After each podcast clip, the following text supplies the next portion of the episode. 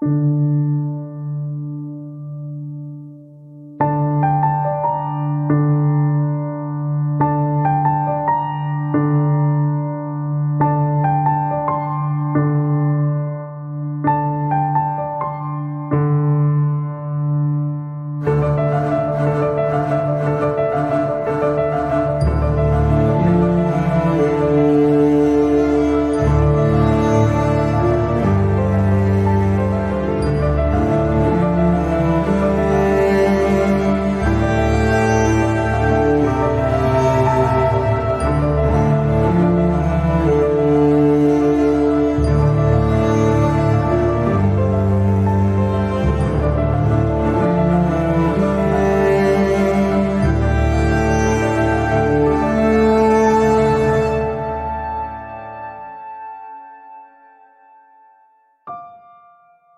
لو كانت هذه قصة كلاسيكية قديمة لبدأناها بعبارة في ذات صباح مشرق نهض أبطالنا والأمل يملأ أعطافهم وما كانوا يعلمون ما هم مقبلون عليه ولو كانت قصة تدعي الحداثة لبدأناها بعبارة إنه الصباح يوم جديد يعلن عن مولده في سفاري وأزمة جديدة تتحرش. ربما كنا سنبدأ القصة قائلين فرغ علاء من إفطاره واستعد كي يمارس عمله في سفاري غير عالم بما ينتظره من أخطار. لكننا نبحث عن التجديد.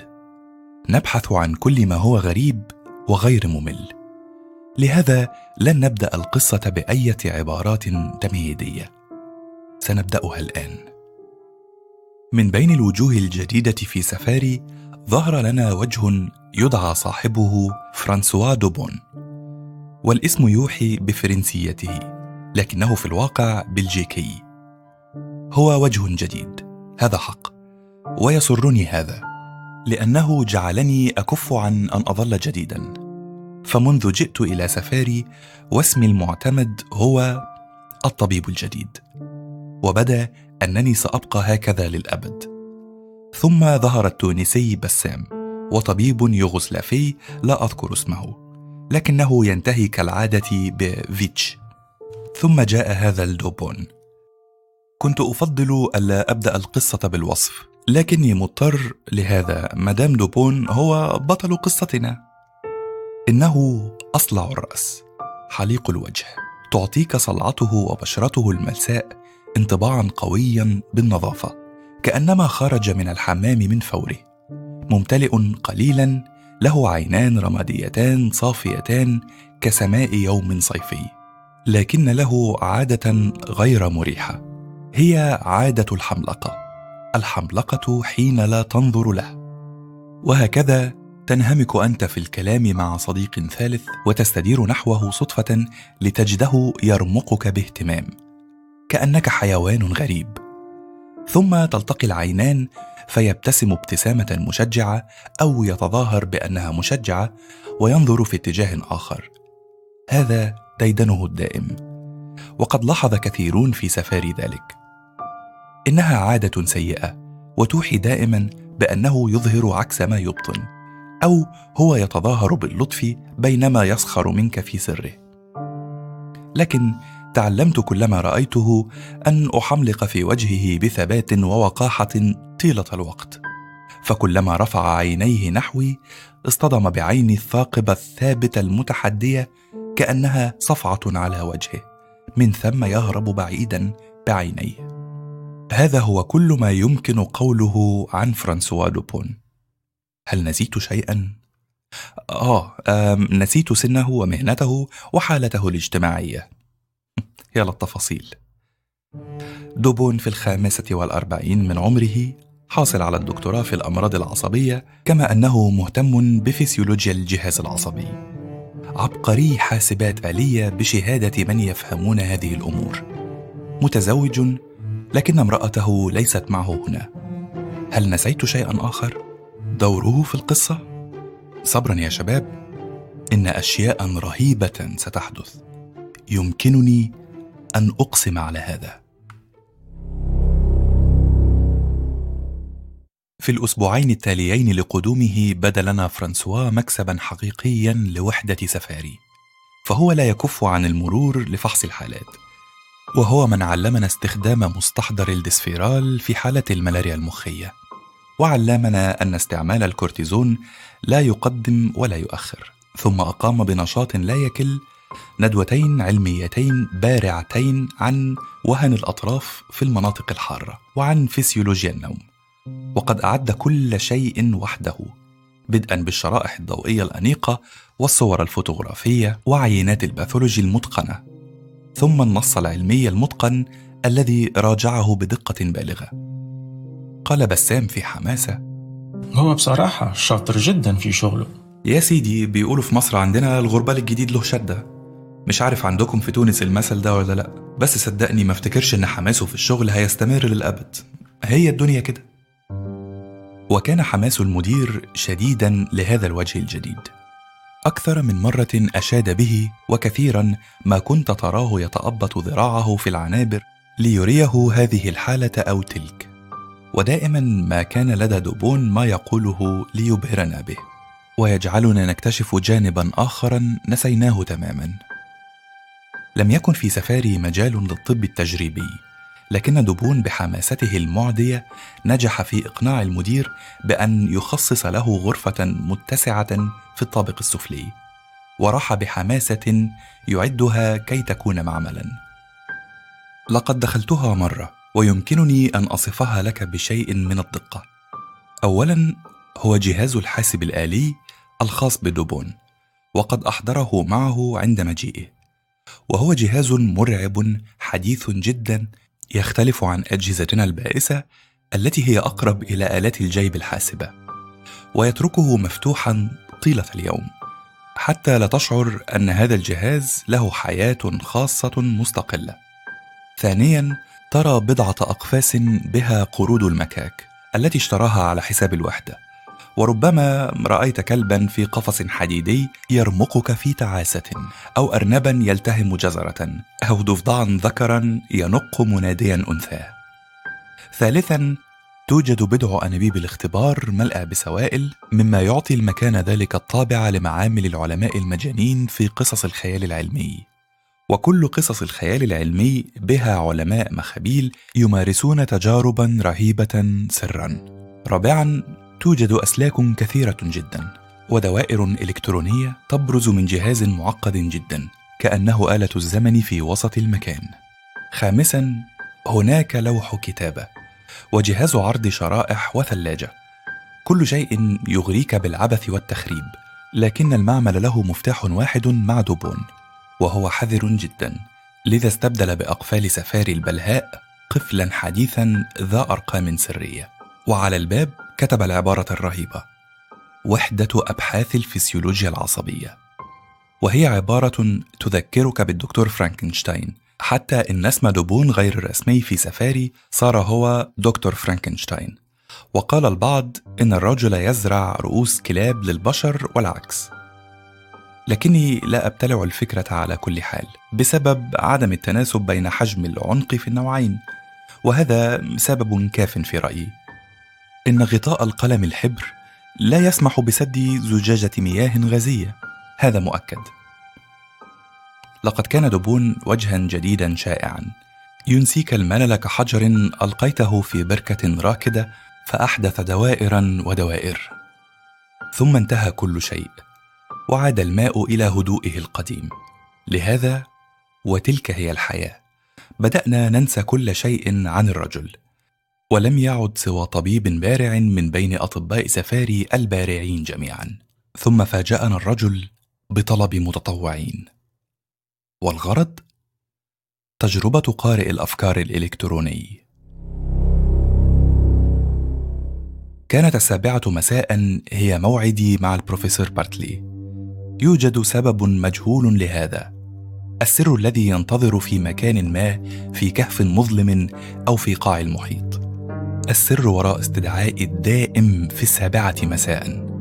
فهو وقت متأخر بالنسبة للعمل الروتيني ومبكر بالنسبة للمصائب الليلية. المهم أنني اتجهت إلى مكتبه كاتما لعناتي أو هامسا بها بأسلوب البرطمة المعروف الذي لا أجد لفظة فصحى تعبر عنه. كان هناك وفي هذه المرة لم يكن وحده. كانت هناك نصف دستة من أطباء سفاري. تبينت منهم بسام وجونستون ومايفايلين لم أرى برنادت لحسن الحظ. إن الموضوع لا يتضمن إقحامها في هذا كله. وأمام المكتب جلس دبون في موضع الصدارة يطرق للأرض كأنما البساط يثير اهتمامه إلى حد غير مسبوق. قال بارتلي عندما رآني. أهو دكتور عبد العظيم كمان. كده يبقى كلنا متجمعين. وجلب لي العامل دايبيلا مقعدا. كان قد أحضر ستة مقاعد. تزاحمت في مكتب المدير الضيق. فجلست جوار الباب متهيئا للفرار في أي لحظة لو كان هناك من يبغي توريطي. قال المدير وهو ينتقي كلماته النهاردة يوم عظيم. دكتور دوبون انتهى من تطوير آخر اكتشافاته. اللي هتقدم لنا كتير جدا في مجال فهم الجهاز العصبي. بس زي أي اكتشاف تاني بيحتاج متطوعين وإحنا محتاجين متطوع مثقف وذكي. متطوعين لإيه بالظبط؟ ده كلام سابق لأوانه اللي هيتطوع هيعرف. التجربة هذه فيها إبر تتحط في الدماغ وحاجات مماثلة؟ إحنا نخاف من نوع هذا من التجارب على الجهاز العصبي. تبادل المدير ودبون النظرات ثم ابتسم ابتسامة من نوع ألم أقل لك إنهم سيفكرون في هذا؟ ثم أشار المدير إلى دبون برشاقة كي يتكلم. قال دبون رافعا عينيه للمرة الأولى. أؤكد لك إن الموضوع ما فيهوش أي حاجة من دي. ولا تجارب على النوم وتصحوا الشخص كل ما يحاول ينام. لا لا ولا ده كمان. ولا عينات من السائل النخاعي الشوكي ولا صدمات كهربية. ولا أي حاجة من الكلام ده كله. تبادلنا النظرات.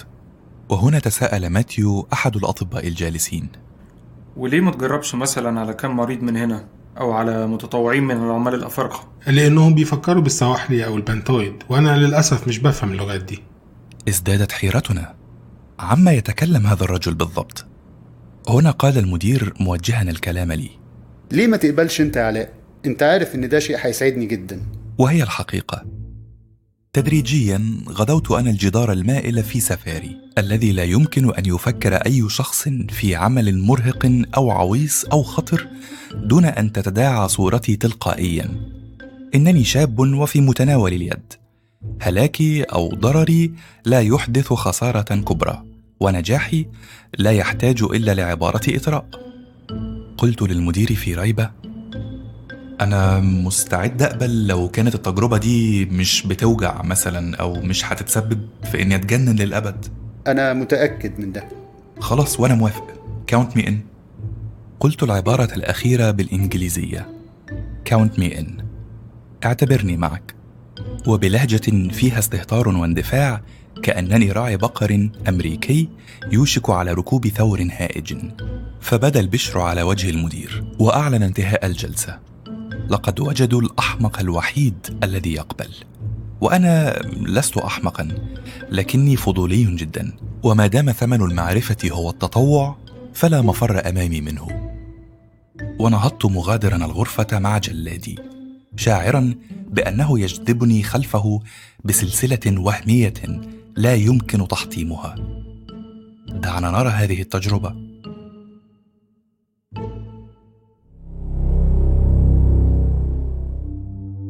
بالطبع كان مكان التجربة هو المعمل. أضاء مصباح المكان فتألق الضوء في القاعة المظلمة واستطعت أن أرى الإعدادات الكثيرة التي أضافها للمكان كأنما لمسته عصا ساحر. تقدم إلى الثلاجة الأفقية في ركن القاعة فأخرج منها زجاجة. زجاجة من بين عشرات العينات المجمدة لسوائل وأنسجة الجسم.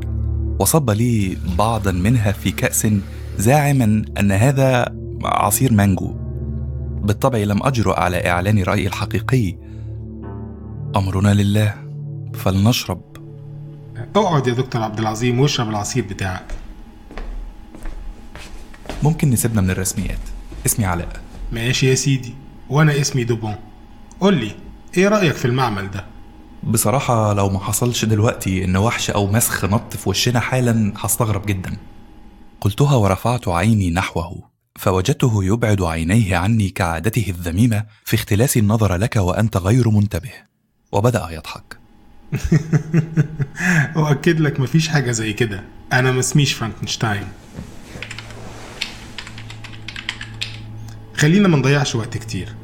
أنت عارف كويس إن النبضات الكهربية هي اللي بتتحكم في العقل البشري. كل الأفكار والعواطف والمخاوف هي مجرد اختلافات في تركيزات الصوديوم والبوتاسيوم من خلال الأغشية والاختلاف ده بيعمل فارق في الجهد الكهربي. صحيح إحنا تقريبا ما نعرفش أي حاجة عن كل ده بس بنحاول. ده كلام معروف. هو كلام جاف شوية وما فيهوش أي شاعرية بس معروف.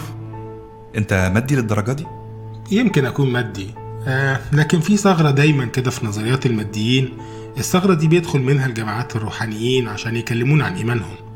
بس ده مش الوقت المناسب عشان نتناقش حوالين أصل الكون وحقيقة الروح. إحنا متفقين إن حاجة هتحصل حاجة ممكن قياسها كهربيا. زي جهاز رسم موجات المخ كده. وجهاز كشف الكذب هما الاتنين بيقيسوا كهربة المخ دي. لكن جهاز كشف الكذب بيحاول يستشف حالتك النفسية أو بمعنى أدق بيبص بصة جوه ضميرك. كان الحماس قد بلغ منه مبلغا وصارت عيناه تلتمعان وصوته أعلى. ويبدو أنه حسب نفسه يلقي محاضرة عامة. وهنا خطر لي أن لدى هذا الرجل شعرة جنون ما. إنها لدينا جميعا لكنها لا تعلن عن نفسها إلا لماما وفي ظروف معينة. كانت هذه هي الظروف الملائمة لشعرة فرانسيس دوبون كي يتكلم. ثم أشار إلى شاشة الحاسب الآلي وقال أنا جمعت مجموعة كبيرة من الشحنات الكهربية لعقول قرود وكلاب وهي بتتألم بتحلم بتنتشي بتموت. آه، وطبعا استخدمت أسلوب معقد أكتر من رسام المخ الكهربي ده. وبقى عندي التدفق الكهربي للمهاد والمهاد التحتي والنخاع المستطيل والقشرة البدائية للمخ. وخليني أؤكد لك إن كل عاطفة كان ليها الشحنة الخاصة بيها. آه قصدك إن بقى عندك نماذج تقدر تستخدمها للمقارنة وترجمة العواطف. لا لا لا أكتر من كده كمان. الكمبيوتر بقى عنده القدرة على ترجمتها بسرعة وبدون أي مجهود. بديله ساعة من الشحنات الكهربية المتسجلة عندي. أه بعد طبعا ما بنحولها لملف ديجيتال. والكمبيوتر بيقول لك بالظبط وبالتفصيل الحيوان كان حاسس بإيه في الساعة كام. كان يتكلم وهو يعابث أزرار الجهاز. والتمعت على الشاشة أشياء فناداني كي ألقي نظرة. نهضت والكوب في يدي وفمي مليء بما هو منجو فرضا. ودنوت من الشاشة لأتأملها. الدقيقة 18 بدأ شعور الغضب. الدقيقة 27 و 56 هياج كامل. الدقيقة 34 و 16 ألم في الرأس. الدقيقة 39 و 32 استسلام شعور بالخزي. الدقيقة 51 جوع ألم في الأحشاء الدقيقة 55 لذة. الدقيقة 59 هي دي مشاعر كلب. ابتسم في خيلاء وقال لا دي مشاعر قرد بابون. آه، قعدت أضايقه وأضربه لحد ما اتنرفز وبقى عنده هياج شديد. أضربه على راسه وبعدين أديله شوية موز. كل ده الشحنات الكهربائية حكيته بالتفصيل وبدقة شديدة.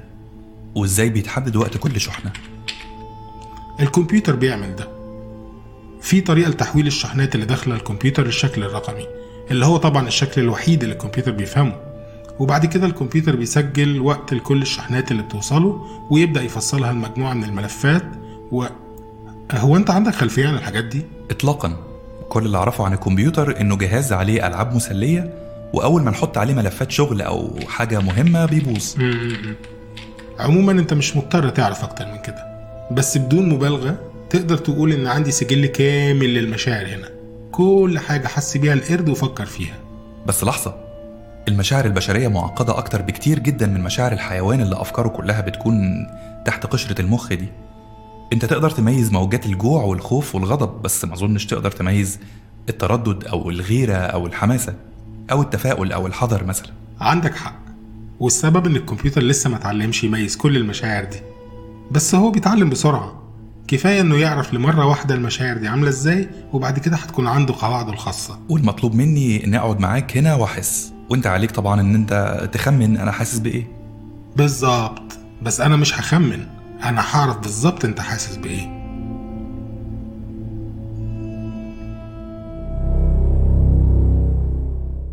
كانت هذه بحق هي بداية القصة.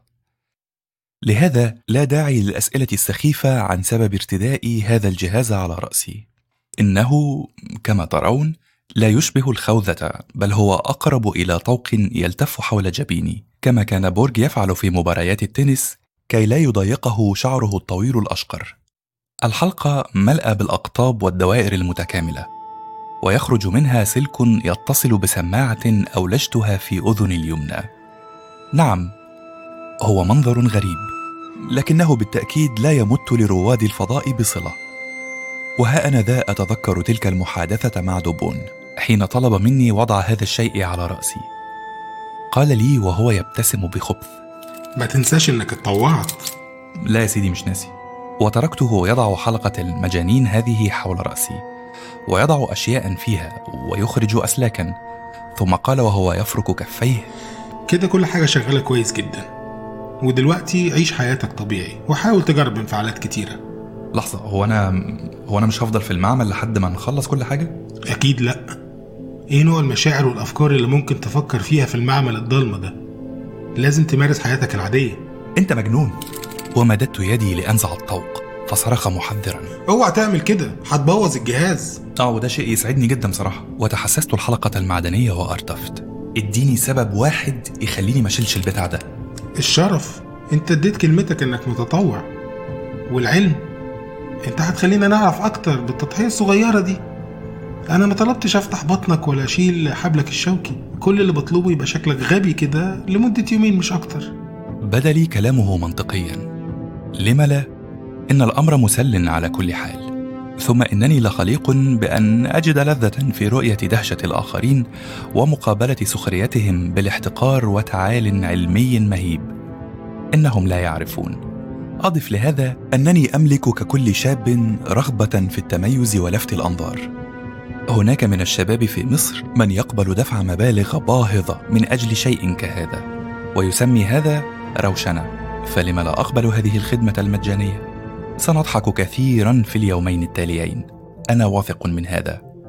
قلت وأنا أعود للجلوس. تمام؟ كمل كلامك. طيب. كل المطلوب إنك هتخرج دلوقتي وهنبدأ بكرة الساعة 6 الصبح. مطلوب منك تسجل كل حاجة تحس بيها وتفكر فيها في سماعة الجهاز اللاسلكي عشان أدونها عندي. بعد يومين هيكون عندي تحليل شعوري كويس. في أي أسئلة؟ وأنت هتستفيد إيه من كل ده؟ إني أعرف.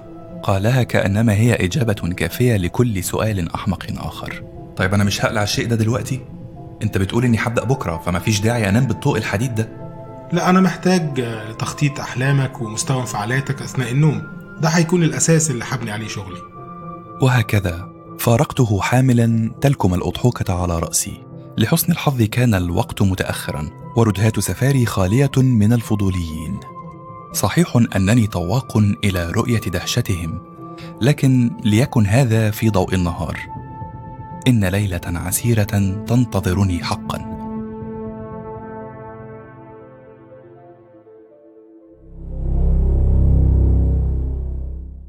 وفي الصباح نهضت.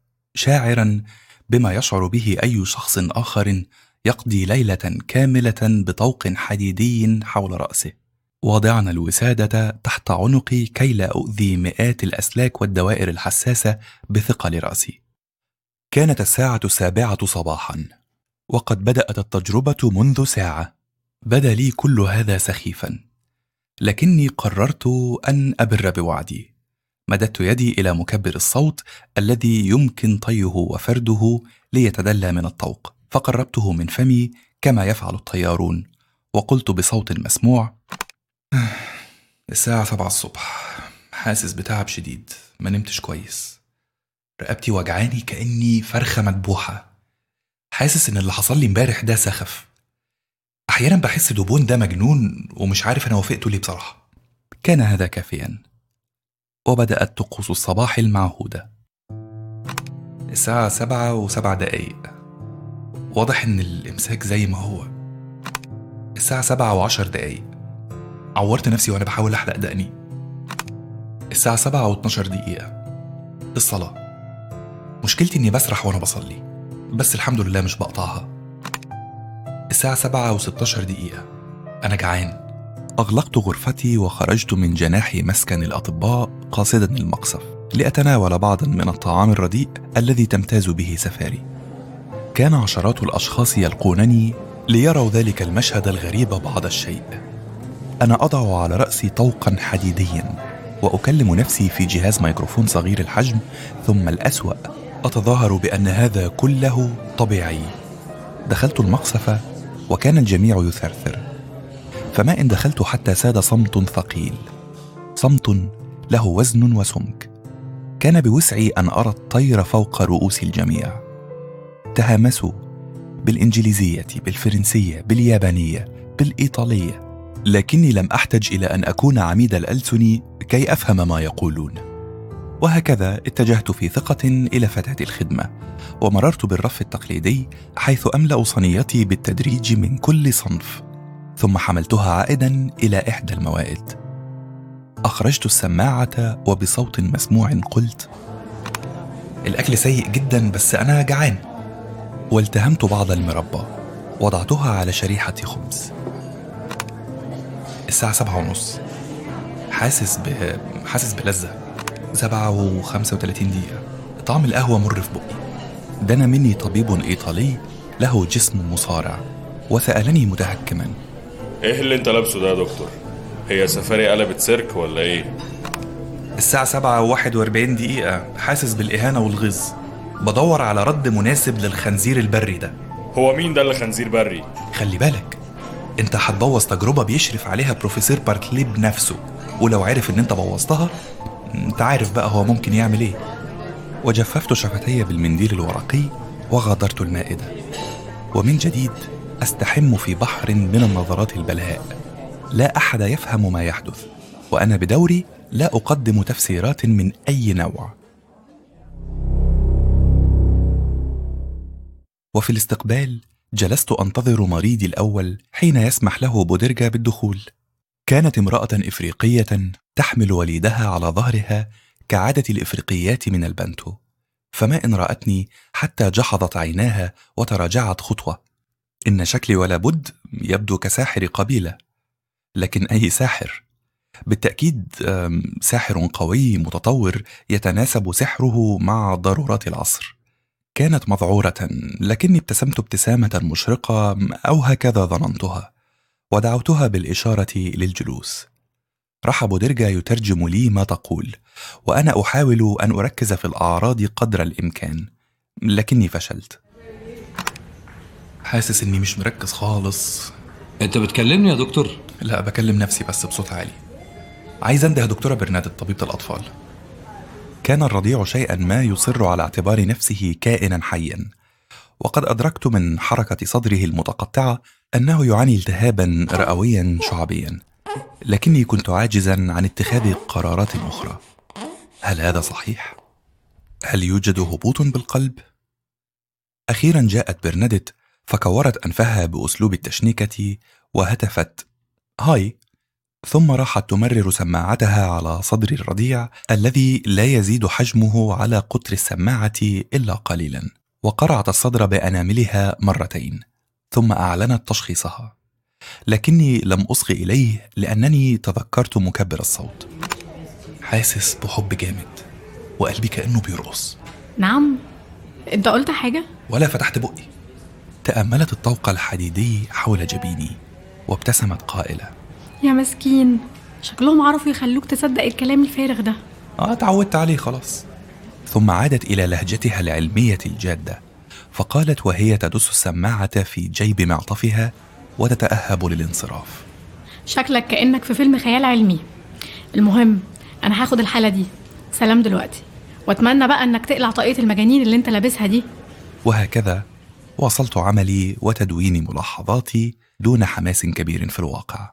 ولم أكف عن الشعور برجفه كلما تخيلت عيني دبون الصافيتين تتأملان كل فكرة وكل خاطرة وكل عاطفة شعرت بها طيلة اليوم.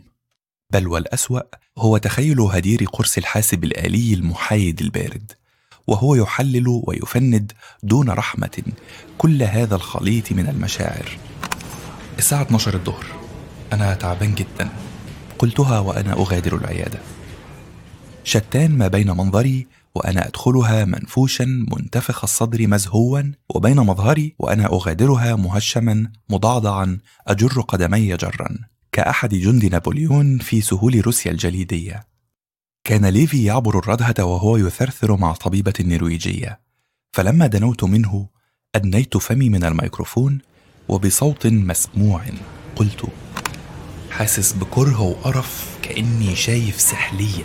ومشيت حثيثا مبتعدا عنه قبل أن يفهم أو يجد ردا لهذه الإهانة التي لا يفهم لها سببا في اللحظة الحالية.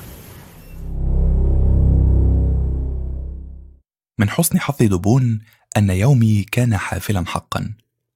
في الرابعة عصرا استدعاني آرثر شيلبي إلى مكتبه فما إن دخلت في تؤدة حتى راح يرمق الحلقة حول رأسي. وقال إيه ده؟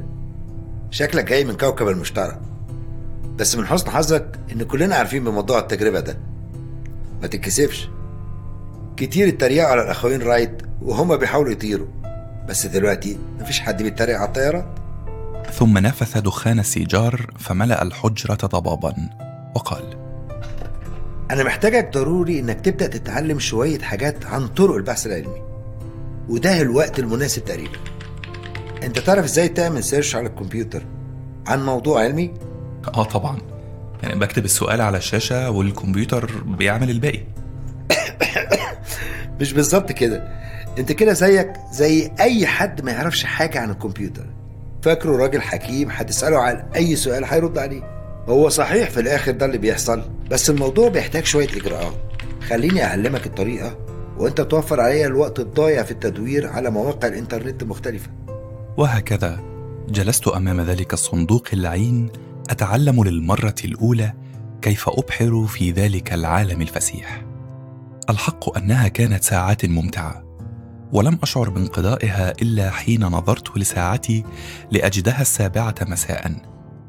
كان شلبي عاكفا في الآن ذاته على كتابة نص ما لموضوعه البحثي ولم يضايقه طيلة الوقت سوى تعليقاتي في الميكروفون. أنا سعيد. حاسس بالرضا.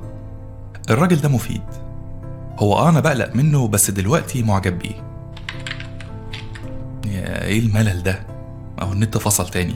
كل ده جميل بس الأفضل تقعد ساكت شوية. ما أقدرش. لازم أسجل ملاحظاتي دايما. وهنا دوى صوت المكبر يقول بالفرنسية وبصوت أنثوي رخيم من تلك الأصوات التي يجدن اصطناعها. دكتور عبد العظيم مطلوب في مكتب المدير. عبد العظيم مطلوب في مكتب المدير. تقدر تروح دلوقتي. لويس السادس عشر عايزك. وهو لفظ آخر من ألفاظه التهكمية المستمرة على المدير. وهو ما لن أفهمه ابدا. فالمدير هو آخر من يمكن اتهامه بأنه طاغية. المهم أنني تركت غرفته واتجهت إلى مكتب المدير. المدير وأنا والساعة السابعة مساء. ثالوث مقدس لا يمكن أن يتفكك ولا أفهم السبب. فلو مات هذا الرجل لوجدت أن شبحه يطالبني بزيارة قبره في السابعة مساء. وفي سماعة الميكروفون قلت تعليقي حاسس بالدهشة والغيظ بسبب استدعائي كل يوم في نفس الميعاد. وحاسس بقلق برضه بصراحة. كان جالسا إلى مكتبه يلتهم عشاءه البسيط. المكون من الخبز المقدد وبعض الجبن وكوب من الحليب. إن هذا الرجل يسكن مع امرأته وابنته على بعد عشر دقائق مشيا من وحدة سفاري. لكنه يقال هذا وأصدقه لم ير امرأته سوى ثلاث مرات في حياته. ويبدو أنه لن يعرفها إذا رآها في مكان غير بيته. فما أن رآني حتى ابتسم. وكان الحليب قد جعل له شاربا أبيضا صغيرا فوق شفته العليا. فابتسمت بدوري وقلت في الميكروفون منظر مضحك فعلا. لم يعلق ولم يفهم الدعابة. وقال وهو يدعوني للجلوس.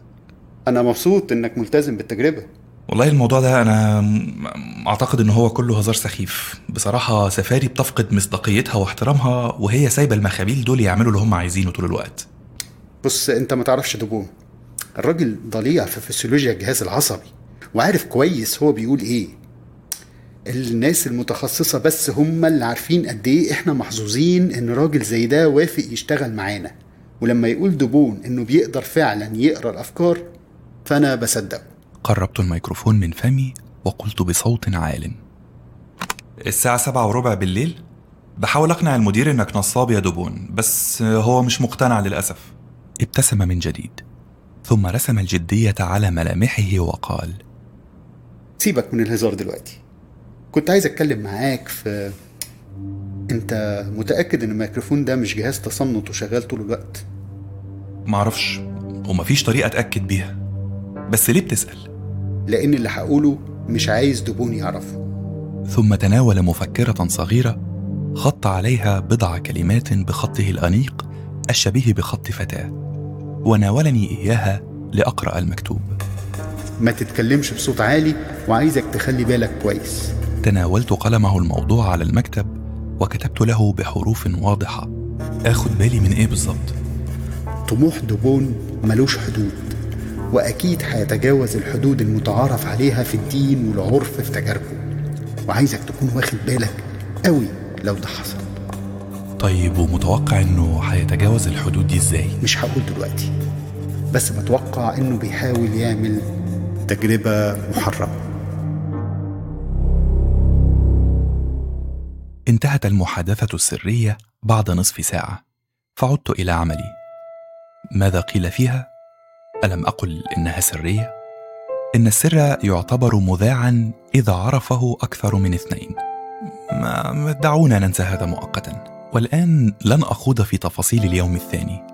إنهم يستعملون في الأبحاث العلمية لفظة إبت اللاتينية التي تعني نفس المرجع السابق. وفي السيناريوهات السينمائية يقولون نفس المكان نفس الثياب. حسن ربما كان من الأوفق أن أجد لفظا قريبا من هذا. لقد تم كل شيء بالأسلوب ذاته وفي المساء كان علي أن أدخل المعمل. وحدة أبحاث فسيولوجيا الجهاز العصبي كي أنزع الطوق الحديدي المقيت من حول رأسي وأعيده لدوبون. فطلب مني أن أضعه في كيس بلاستيكي على المنضدة. شعرت لحظتها أن قمة رأسي تنبض بالدم الشرياني الذي حرمت منه يومين كاملين حتى إن هذا كان مؤلما. وعلى الشاشة رأيت مشهد الموجات العتيد مع محور أفقي يشير إلى الوقت. وكان لذلك توقيت خاص على غرار الساعة 41 والساعة 47 وكانت هناك أسهم خضراء على المحور الصيني تشير بعبارات على غرار الموضوع يشعر بالقلق أو الموضوع جائع. بدا لي هذا مهينا. وقلت لدوبون الموضوع ده اللي هو أنا؟ مفيش مفر من كده لو عايزين نكون موضوعيين. جلست مسترخيا شاعرا بلذة العبد الذي تحطم قيده. وسألت حللتني خلاص؟ الكمبيوتر شغال على ده. بدأ يكون لغة كاملة حروفها هي موجات الدماغ.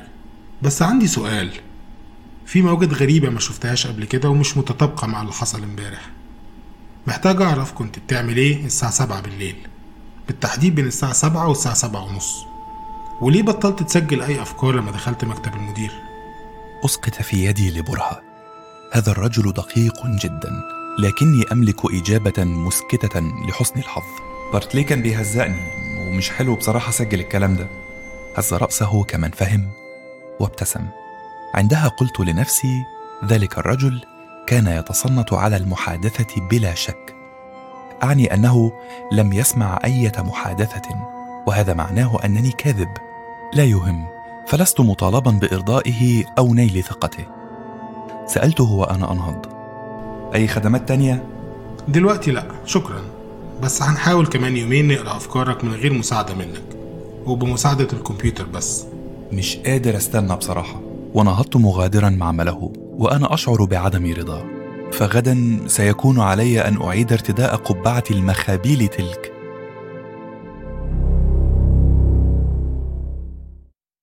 ولم يكذب الرجل خبرا. بعد يومين جاءني من يطلبني إلى مكتب المدير فتوجهت إلى هناك متوجسا خاصة أنها لم تكن السابعة مساء. وكان دبون هناك عاكفا على تأمل المدير بينما هذا الأخير ينظر في اتجاه آخر. تبا لنظراته الناقدة العدائية المتهكمة هذه لماذا يعطي إنسان لنفسه حق إطالة النظر في الآخرين؟ ثبت عيني على عينيه وأقسمت ألا أبعدهما أبدا.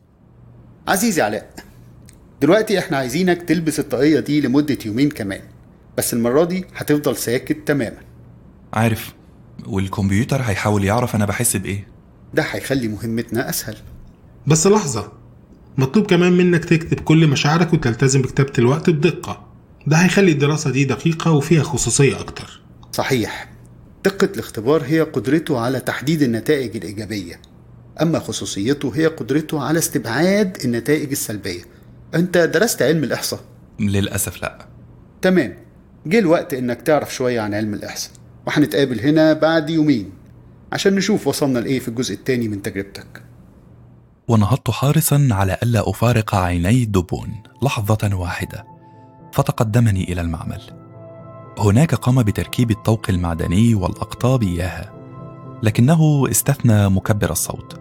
سيقوم الطوق بإرسال موجات دماغي في إشارة لاسلكية إلى جهاز الحاسب العملاق الذي يطلق عليه دبون اسم الأخ الأكبر.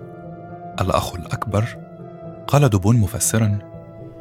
الأخ الأكبر هو الكمبيوتر العملاق اللي كان بيراقب كل حاجة في العالم ويكتم على أنفاس الناس ويحكمهم في رواية جورج أورويل اللي اسمها 1984 كان الناس في الرواية بيقابلوا في كل حتة يافطة مكتوب عليها افتكر إن الأخ الأكبر بيراقبك. حاضر يا سيدي هفتكر.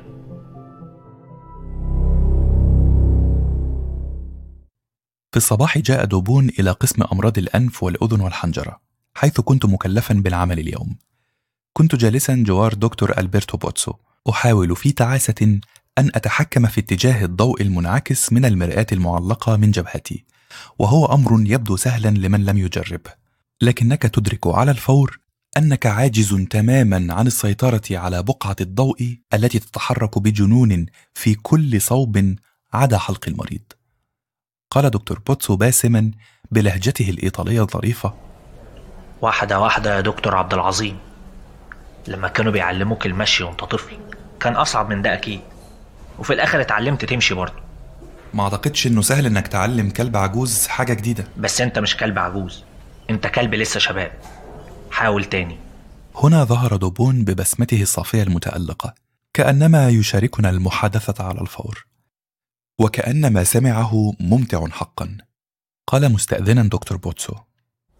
ممكن أستأذنك شوية يا دكتور؟ محتاج المساعد بتاعك. اتفضلوا يا سيدي. وجوده معطلني أكتر من غيابه. خلعت الطوق الكريه من رأسي ونهضت. لقد صار قدري في سفاري أن أضع كل أنواع الأطواق حول رأسي طيلة الوقت. ولكن ماذا يريد دوبون مني؟ خارج العيادة حيث احتشد الأهالي كل ينتظر دوره قال لي دوبون وهو يتأبط ذراعي في مودة. دلوقتي هنقارن اللي انت كتبته مع اللي سجله الكمبيوتر. راح يتابع المكتوب على الشاشة ثم سألني. خلينا نبتدي. أعتقد إنك حسيت بألم فظيع الساعة عشرة إلا ربع النهاردة الصبح. الساعة عشرة إلا ربع مغص شديد. وفي الساعة عشرة وربع حسيت بألم. يمكن عشان فكرت في أهلك البعد عنك؟ أعدت تأمل المفكرة ولم أجد ما أقول. وصل القراءة بصوت محايد. الساعة عشرة خمسة وعشرين حسيت بألم شديد. التخطيط الطبوغرافي لقشرة المخ بيقول نتيجة ألم في صوابع رجلك الشمال. هنا أغلقت المفكرة ونظرت نحوه متسائلا. هو ده بجد؟ هو إيه اللي بجد؟ أنت عرفت تقرأ أفكاري فعلا؟ أنا ما قريتش أفكارك. أنا قريت مشاعرك وأحاسيسك. والموضوع ما فيهوش شعوذة كل ما في الموضوع منطق علمي وقياس دقيق. خلينا نكمل. في الساعة 11 ونص واضح إنك كنت حاسس بقرف قاتل. ده حقيقي. بس في شوية مشاعر الجهاز معرفش يميزها. يعني مثلا إمبارح الصبح الساعة عشرة ونص الجهاز حط علامة استفهام عندها. كنت حاسس بإيه في الوقت ده بالظبط؟ تأملت مفكرتي وقلبت صفحاتها ثم قلت بصراحة أنا ما سجلتش حاجة لأني كنت في غرفة الجراحة مع دكتور ألفريد الجراح الدنماركي. فما حصلتش أي حاجة مهمة. امم طب وامبارح الساعة أربعة وعشرة مساء؟ كنت بقتل تعبان في الجنينة. آه. كان تعبان سام؟ لا أنا ما أعرفش موديلات التعابين بس هي كائنات مقرفة. حتى التعابين الغير سامة تخوف وأعتقد ده كفاية علشان أموتها. فعصت بجزمتي وبقيت عايز أقطع رجلي بعدها من القرف. كتب بعض الكلمات على الأزرار أمامه ثم هز رأسه شاكرا لي وقال إنه سيتصل بي حتما لمزيد من الأسئلة. هو الذكاء الصناعي كده. الكمبيوتر بيتعلم من أخطائه وكل ما تشغله بيتعلم أكتر. وكل تجربة بتكون أدق من اللي قبلها. بس أنا مش معاك في التجربة الجاية. ده أكيد. لازم يبقى فيه موضوع تاني نقيسه. هو إيه فايدة كل ده؟ المعرفة. المعرفة من أجل المعرفة. ده هدف كافي في حد ذاته. زي ما قال ليلوش الحياة للحياة. وأعتقد يا دكتور علاء إنك أذكى من إنك تسألني عن فايدة جهاز بيقرأ المشاعر آه صحيح هو إيه بقى فايدة جهاز بيقرأ المشاعر؟ هنفهم كتير عن فسيولوجيا الجهاز العصبي ونتعلم الأشخاص اللي ما بيعرفوش يعبروا عن نفسهم بيحسوا بإيه هل دي أسباب كافية بالنسبة لك؟ مؤقتا واستدرت مغادرا المكان شاعرا بنظراته الباردة على مؤخرة رأسي وتمنيت ألا أسمع عنه لفترة لا بأس بها تذكر أن الأخ الأكبر يراقبك.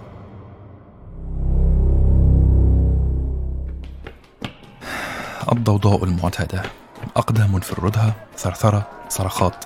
كلام بكل اللغات في برج بابل هذا الشهير باسم سفاري. غادرت عيادة الأنف والأذن مع دكتور بوتسو ونظرنا في غباء إلى ما يحدث. وكل مصائب سفاري تتخذ دوما المظهر ذاته. ولربما تدور الأحداث بالسرعة ذاتها وتقال الكلمات ذاتها. تبادل حديثا سريعا مع طبيب إيطالي يعبر الردهة وبالطبع لم أفهم منه حرفا. ثم قال لي مفسرا بيقولوا لي إنهم لقوا جثة في أوضة التنظيف. هكذا إذا. حمدا لله. حسبت الأمر خطيرا ولكن جثة جثة في خزانة التنظيف وفي سفاري يبدو الأمر عسيرا على التصديق. انطلقت أركض في الممر باتجاه الراكدين المهرولين وأخيرا وجدت الخزانة المذكورة. كانت أقرب إلى باب خشبي في الجدار وقد فتح هذا الباب فسقطت منه بعض المكانس على الأرض. واستطعت أن أرى شيئا ما شيئا يبدو كجثة ولا يتحرك. كجثة إنه جثة دون شك. جثة عملاق أصلع الرأس. وقد أدركت دون عسر أنه مقيد اليدين وراء ظهره كان الزحام كثيفا. ومن العسير أن تتبين إلا لمحة وسط الرؤوس التي تسد عليك مجال الرؤية في كل ثانية. حتى تذكرت الصحفيين إذ يحاصرون وزيرا ذا نفوذ. فترى أحدهم يرفع الكاميرا فوق الرؤوس ليلتقط صورة عشوائية كيفما تكون. أخيرا وجدت موطئا لقدمي وعيني. ها أنا ذا أتبين رجلي امن إفريقيين يجتوان على ركبتيهما جوار الجثة ويتحسس احدهما النبض ثم يرفع رأسه ليقول في أسى إنه ميت. يا سلام! يا لها من عبقريه حقا ميت ولكن متى؟ إن قواعد الطب الشرعي الصارمة تقول جسم دافئ ولا تصلب الموت تم منذ أقل من ثلاث ساعات. جسم دافئ مع تصلب. الموت حدث منذ ثلاثة إلى ثمان ساعات. جسم بارد مع تصلب. الموت حدث منذ ثمان إلى ستة وثلاثين ساعة. جسم بارد ولا تصلب. الموت حدث منذ أكثر من ستة وثلاثين ساعة. التعفن. الموت حدث منذ يومين إلى ثلاثة. لماذا أقول هذا؟ لأنني من موضعي البعيد وسط الزحام وبخبرتي الضئيلة استطعت أن أميز التصلب الرمي. ومعنى هذا أن الموت تم منذ ثلاث ساعات إلى يوم ونصف. ومن الواضح أن الجثة باردة. لونها يؤكد هذا. اذا ماتت تعس منذ يوم تقريبا أو أقل؟ وحتى من هذا الموضع استطعت أن أعرف الرجل. هل تذكرتموه؟ إنه موزينجا ضابط الأمن الكاميروني الذي يذكره كل من يعرف قصة الحريق. العملاق الأسود المتأنق الذي يتضمخ بعطر دسم خانق. أشم رائحته من هنا والذي لم يكف عن اتهامي بإشعال الحرائق. الأمر واضح الآن. هناك جريمة. فليس من المعتاد أن يسجن المرء نفسه في خزانة تنظيف. ولكن كيف؟ رأيت البروفيسور بارتلي يشق الطريق وسط الزحام حريصا على أن يحتفظ بكل أجزاء جسده البدين في مكانها. وكان الجد والهم على وجهه ولا ألومه أبدا. كل المديرين يمقتون أن تتم الجرائم خاصة جرائم القتل في المؤسسات التي يديرونها. ولا أدري سببا لذلك في الواقع. انحنى يتفحص الجثة المقيدة والحسرة تغمر ملامحه. ثم مد يده ليلتقط شيئا جوار الجثة. كان كيسا من البلاستيك. البلاستيك الشفاف رفعه وهنا قال له أحد رجلي الأمن شيئا فألقاه على الأرض وهز رأسه معتذرا. طبعا أمره بألا يفسد البصمات. وبعينين لا تريان راح بارتلي يتفقد الوجوه الفضولية حوله. ثم قال مفسرا للاأحد. ده خنقه. القاتل إيد إيدين موزنجة وحط كيس على راسه علشان يخنقه. وتقلصت أمعائي لهول الفكرة. إنها لميتة بشعة حقا. يبدو إطلاق الرصاص على الرأس نوعا من التدليل مقارنة بها. ولكن لماذا؟ لماذا يقتل إنسان مزنجة؟ ولماذا يقتله بهذه الطريقة الشنيعة؟ في حين يكفي مسدس صغير لإنهاء الموضوع. ثم كيف يستطيع إنسان أن يقيد مزنجه وأن يجره إلى هذا المكان؟ ربما كان المدير يعرف أكثر. لكن المدير لم يطلب رأيي ولم يخبرني بما يعرفه. هذا متوقع طبعا. فلست من القيادات المهمة في سفاري أو أولئك الذين يجب وضعهم في الصورة. أنا مجرد ترس يعمل في آلة عملاقة ولا أمثل سوى واحد من مائه من عالم المدير واهتماماته. إننا نعطي أنفسنا أهمية أكثر من اللازم لمجرد أننا نحن. نتصور أن العالم لم يخلق إلا ليحيط بنا والأرض لم تخلق إلا لنمشي عليها والسماء لم توجد إلا لنجد ما نراه حين ننظر لأعلى. حقا لم يخبرني المدير بشيء. لكني سمعت إشاعات متناثرة. لقد هجم موزنجا من الخلف. تلقى ضربة على مؤخرة رأسه أفقدته الوعي ثم جره القاتل جرا إلى هذا السجن. بعدها أحكم تقييده ووضع الكيس البلاستيكي فوق رأسه ليخنقه. ولكن لماذا انتزع الكيس بعد إنهاء مهمته؟ لم يجد أحد تفسيرا لذلك. كما لم يجد أحد تفسيرا لهذه الميتة البشعة. يبدو أن عصر الطلقة في الرأس والطعنة بين لوحي الكتف قد انتهى. ويا له من عهد سعيد بالنسبة لما نحن بصدده.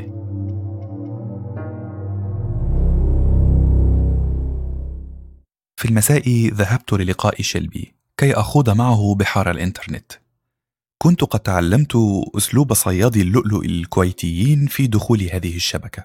آخذ نفسا عميقا اغطس عشر دقائق ثم أصعد إلى السطح كي أصنف ما استخرجت من لآلئ. ومع الوقت ازددت كفاءة وسرعة. وصرت أستهلك دقائق أقل في البحث عما أريد. كان يفتش عن بعض أنواع الاميبا التي تهاجم الجهاز العصبي ولم يكن واثقا من وجودها في الكاميرون. حلو. جميل قوي أدائك بيتحسن. العرب بيتعلموا بسرعة. يمكن علشان يعوضوا الفجوة الحضاريه في أقصر وقت ممكن. بالمناسبة الكمبيوتر بتاعك ده يعتبر لعب عيال جنب كمبيوتر دبون. يخرب بيته. ده مجنون. إيه عمل إيه تاني؟ تصور طلب مني قبل كده إنه يجرب جهازه على مرضى الملاريا المخية. يبقى المريض في غيبوبة وبيطلع في الروح وهو عايز يحط على راسه طوق الكلاب ده. وافقت. طبعا لا. يجرب اللي هو عايزه بس بعيد عن المرضى بتوعي.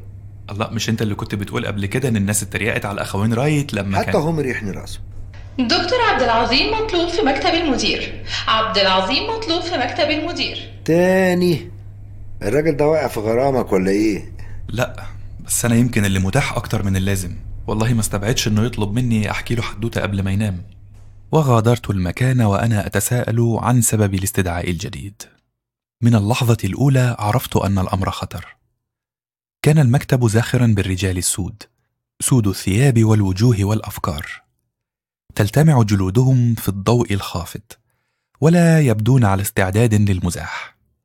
قال لي بروفيسور بارتلي وهو يدون شيئا في ورقة. اقعد يا علاء لم أجد مقعدا خاويا لكني آثرت عدم الاعتراض. لهذا جلست شبه واقف على مسند أريكة جوار أحد الضيوف. لا حاجة للسؤال. هؤلاء القوم رجال شرطة جاءوا من أنجاونديري وكلهم شكوك وقلق وفي الغالب يجرون استجوابا عاما. أخيرا تكلم البروفيسور. الأساتذة جم يحققوا في قتل موزينجا ومتوقع منك إنك تتعاون معاهم لأقصى درجة. إمتى آخر مرة شفت فيها موزينجا يا دكتور عبد العظيم؟ آخر مرة وهو ميت طبعا. وأكيد ما تكلمناش يعني مع بعض في حاجة مهمة زي ما أنتوا عارفين. أنا أقصد إمتى آخر مرة شفته فيها وهو عايش؟ يمكن من ثلاث أسابيع. المرحوم ما كانش موجود على طول وكمان إحنا مش صحاب. ولسه بصراحة شايفه أكبر غبي ومش قادر أغير رأيي فيه وأعتبره ملاك أو عبقري لمجرد إنه مات. الموت ملهوش فضل على حد. شكرا لصراحتك بس أنا بسأل في النقطة دي هو فعلا علاقتك كانت وحشة بالمرحوم؟ إذا فالأمر هكذا.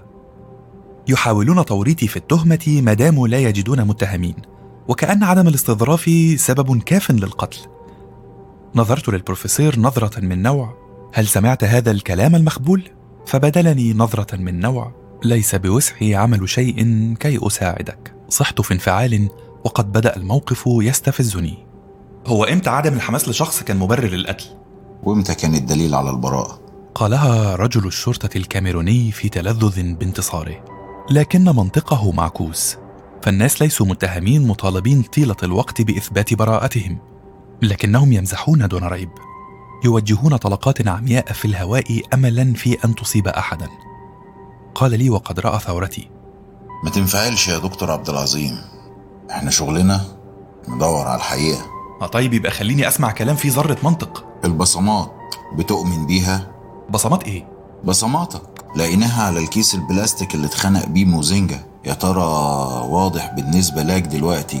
أنا أقصد إيه؟ إحنا رفعنا البصمات من على الكيس البلاستيك وقارناها ببصمات كل العاملين في سفاري. النتيجة اللي وصل ليها خبير البصمات ما فيهاش شك.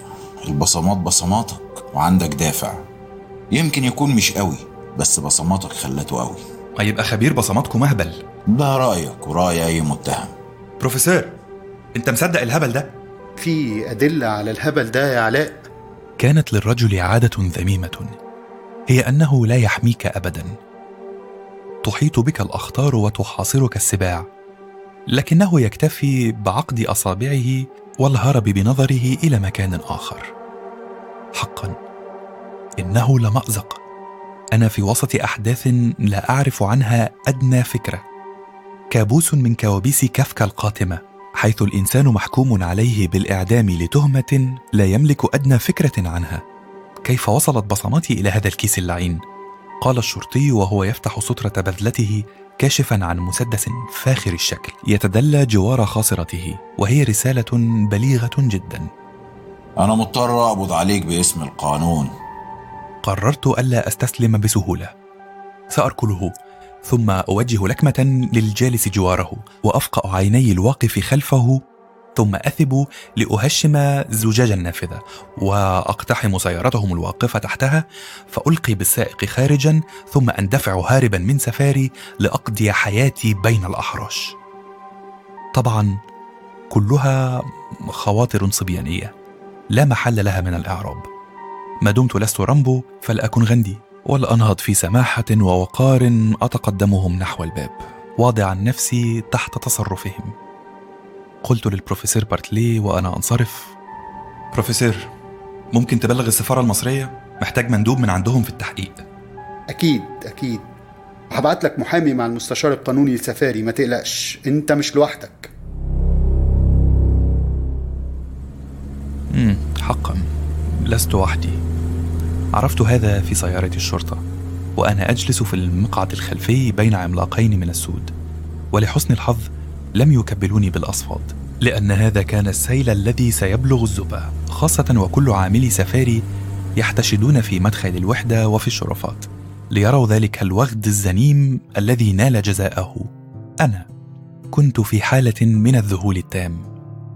منذ ساعة كنت جالسا مع شلبي نجري بحثا علميا والآن ها أنا ذا متهم بالقتل وفي طريقي إلى المخفر في أنجوانديري. تم كل هذا بسرعة وقسوة لا تصدق.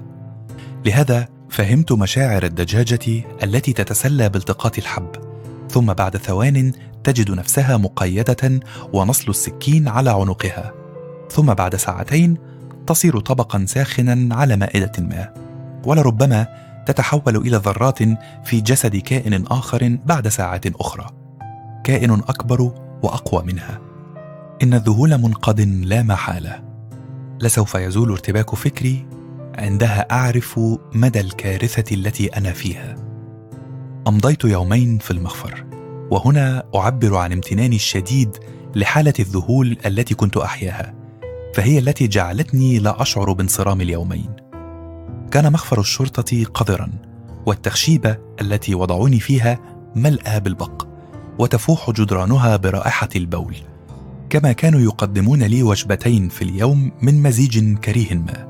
ربما كان جذور الكثافة المصلوقة يومان كاملان لم أر فيهما أحدا ولم يرني أحد سوى السجان الإفريقي البدين متجهم الوجه.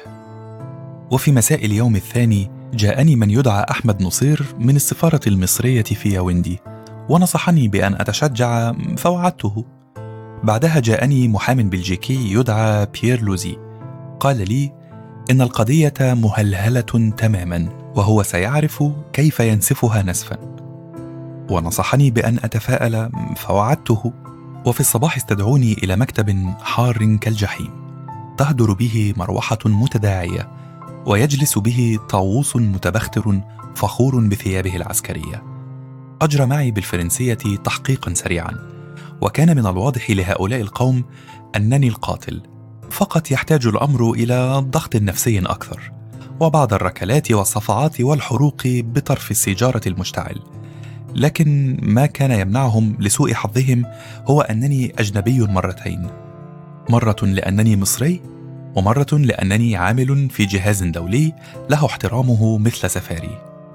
أخيرا جاء المحامي البلجيكي وقال كلاما كثيرا عن أدلة الشرطة الواهية وعن الدليل الوحيد الذي هو بصمات على كيس بلاستيكي وعن إجراءات القبض عليها الخاطئة إلى آخره.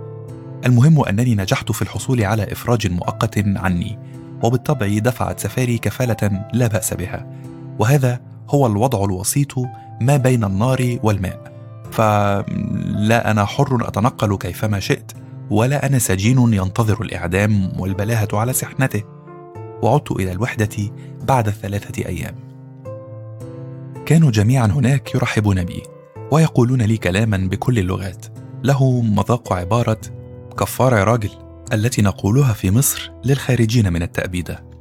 وحيتني برنادت بأسلوب التشنيكة المعهود وقالت وهي تلك مساعدي الحمد لله على سلامتك. كنت متأكدة إنك هترجع بسرعة. كان في احتمال كبير مرجعش الحمد لله على سلامتك. عندك مواعيد اليوم؟ نحب نحتفلوا بالمناسبة هذه؟ مواعيد؟ لا ما ورايش خنق أي ضباط أمن النهاردة. الموضوع ده بيحتاج طبعا لوقت زي ما أنت عارف. لكني وسط الوجوه الضاحكة المرحبة كنت أردد لنفسي. لم تنتهي أزمتك يا فتى. ما زلت متهما وما زال ظل من الشك يحيط بك. كلهم يرحبون بك لكنك وحيد. هناك من يملك تفسيرا لكل ما حدث وهناك من سيدفع الثمن باهظا.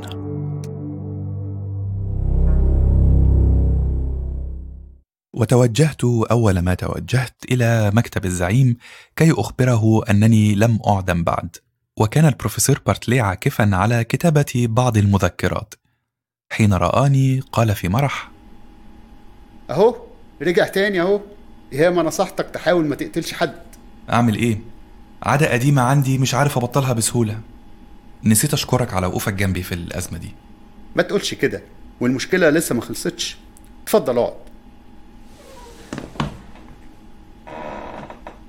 جلست شاعرا للمرة الأولى بأنني أحب هذا المكتب وكنت أحسب أنني لن أراه ثانية. قال المدير وهو يفتح علبة مياه غازية محدثا ذلك الصوت المحبب للنفس. اشرب. بص يا علاء إحنا قدام حقيقة ملهاش تفسير. إزاي بصماتك وصلت للكيس؟ معرفش بس كل اللي أعرفه إني ما عملتش كده. وتقول إيه لو عرفت إن عندي علامة استفهام تانية؟ ما قلتش للشرطة عليها. وإيه هي علامة الاستفهام دي؟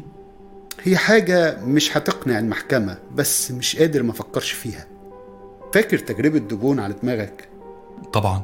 تاني يوم من التجربة التانية وبالتحديد الساعة أربعة وعشرة مساء دبون بيقول إنه شاف موجات شاذة غريبة ما شافهاش قبل كده في دماغك.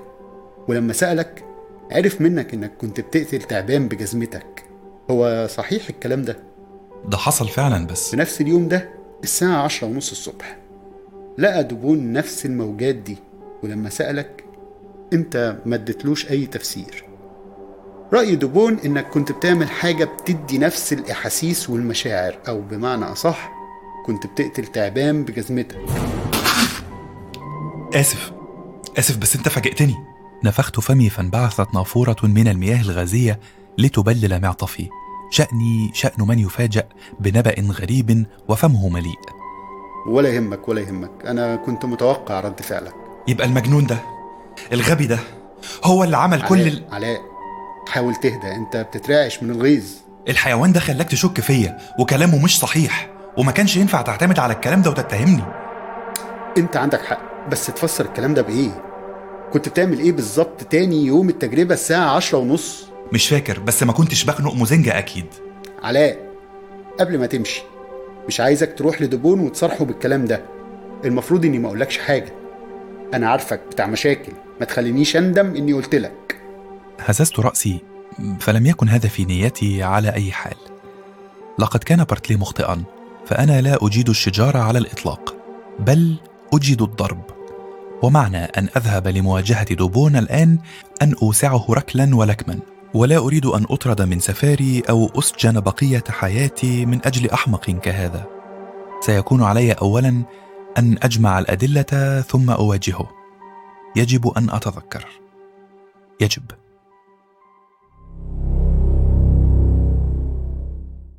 ماذا كنت أفعل ذلك اليوم في العاشرة والنصف صباحا؟ رجعت لمفكرتي التي كنت أدون فيها أحداث اليوم فوجئت أنني دخلت غرفة الجراحة في العاشرة لأساعد دكتور ألفريد الجراح الدنماركي في استئصال سرطان قولون. طبعا كان دوري هو غالق الجلد لا أكثر وهو دور أقوم به أكثر الوقت بحكم صغر سني.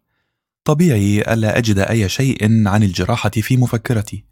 لم أدون حرفا حتى الحادية عشر صباحا. بالطبع لأنني كنت أرتدي ثياب الجراحة وفي ظروف تعقيم كاملة صارمة. ماذا حدث وقتها كي يحدث موجات غريبة في ذهني؟ والحل موجود وبسيط. إن كل جراحات سفاري يتم تصويرها في أثناء إجرائها عن طريق دائرة تلفزيونية مغلقة. بعد هذا يوضع الشريط في مكتبة مرئية مرقمة ومصنفة وبعد ستة أشهر يتم إعادة استخدام الشرائط حتى لا تتمدد المكتبة أكثر من اللازم ولأسباب اقتصادية بحتة. فقط الجراحات الغريبة أو العبقرية أو الخرقاء يحتفظون بشريطها للأبد. توجهت إلى مكتبة الفيديو حيث كانت الموظفة الأمريكية جيرترود جالسة أمام شاشة الحاسب الآلي. حييتها وطلبت شريط الجراحة فقرعت بعض المفاتيح. سألتني وهي تلوك قطعة اللادن. هو ده الشريط اللي أنت عايزه يا عسل؟ وعسل هي اللفظة التي يستخدمها الأمريكيون بداع أو بدون داع. هاني وليس معناها أنها متيمة بهواي. قلت لها وأنا آخذه لأعرضه في جهاز الفيديو. هو دارلينج وعلى الشاشة رحت أرقب المشهد الذي ألفته تماما. وكان مصورا من علن مع الدنو بالعدسة لتظهر يد الجراح في حقل الجراحة. رحت أضغط على زر تقديم الصورة كي أفوت اللقطات التي أذكرها جيدا. وكانت هناك أجزاء لم أستطع تذكرها. قلت لنفسي إن هذا طبيعي فدوري لم يتجاوز توسيع حقل الجراحة أمام الرجل وملاحقة الشرايين النازفة الصغيرة التي يجرحها مبضعه. كنت أقرب منها جهاز الكي ثم أدوس الدواسة الصغيرة تحت قدمي لتتصاعد أبخرة اللحم المحترق. بالواقع كانت الجراحة أكثر تعقيدا من قدرتي على المتابعة. وهنا في العاشرة والثلث حسب التوقيت المطبوع على ركن الشاشة الأيمن بدأ أن هناك شيئا ليس على ما يرام. كنت أترنح. تراجعت الكاميرا لتظهرني أتأرجح كبدن ثقيل ثم أهوي أرضا. فوضى عامة. الجراح يسب بالدنماركية ثم يتساءل بالفرنسية. هو ماله الغبي ده؟ أصله جديد يا سيدي. شكله ما استحملش منظر الدم ده كله. طب خرجوه من هنا ونادوا لي ماكريجور عشان يساعدني بسرعة. مش وقت تهريج خالص ده. فوضى أخرى. واضح أن ثلاثة يحملونني للخارج. قطع. ثم عادت الصورة في العاشرة وخمس وثلاثين دقيقة. هذه المرة يمكن تمييز جسد ماكريغور طبيب الجراحة المقيم الضخم ولهجته الإسكتلندية المميزة. ولم أعد أنا في مسرح العمليات. أغلقت جهاز الفيديو وأعدت الشريط للمرأة. خلصت بالسرعة دي يا جميل؟ نظرت لها عاجزا عن فهم ما تقول. أسمعه لكنني لا أعيه هززت رأسي وغادرت المكان. في الكافيتيريا كان المحتفلون بانتظاري وكانت هناك كعكة صغيرة كتبوا عليها بالقشدة أول خطوة في عالم الجريمة وكانت هناك زجاجات جعة. اعتذرت عنها شاكرا وطلبت بعض الليمون. وراح أحد الثاملين يغني بصوت أجش لأنه رجل طيب ولا أحد ينكر ذلك. أما برنادت فقالت وهي تقطع الكعكة. الحمد لله على السلامة. إن حد من سفاري يدخل السجن بتهمة القتل دي حاجة لازم نحتفل بيها. وقال بسام وهو يصب لنفسه المزيد من الليمون دورنا عليك في القناك في مكتبة الفيديو. شنو سر الحماس هذا؟ آه ما بحبش أضيع وقت من غير ما أتعلم. كانوا يصخبون يمرحون يضحكون لكن سمعي وذهني كان في أرض نائية. أرض بلا بشر. أرض تتناثر فيها تساؤلات بلا جواب. ورحت أدعو الله أن ينهوا ذلك التهريج سريعا كي أنفرد بنفسي وأشعر بالذعر والحيرة.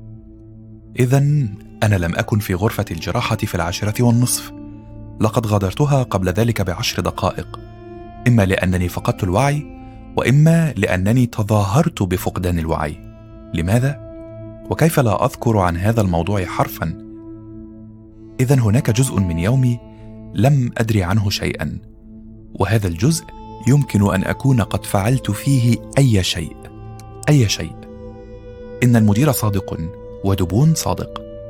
لقد فعلت شيئا لا أدري كنهه لكنه سبب لي ذات المشاعر التي سببها قتل الثعبان بالحذاء. وفي غرفتي حين انتهت السهرة أخيرا قمت بتشغيل جهاز طرد الأرواح الشريرة. أعني مروحة السقف طبعا. ورقدت على الفراش أنظر إليها وأتساءل. ترى ماذا دهاني في ذلك اليوم؟ لقد رأيت جراحات أكثر شراسة بمراحل. ولم أكن مرهقا أو مريضا في ذلك اليوم. بمعنى آخر لا يوجد سبب لفقد الوعي.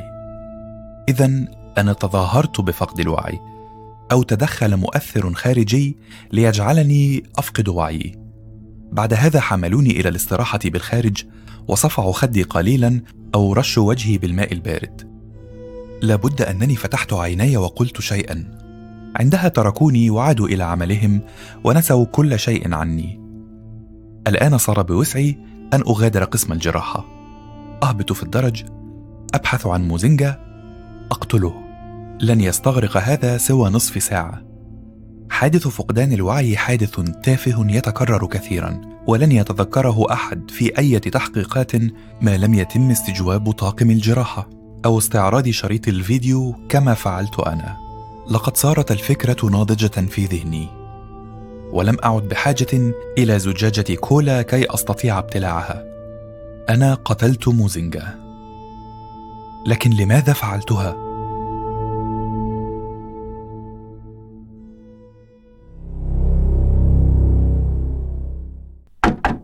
طرقت الباب مرتين حتى رد.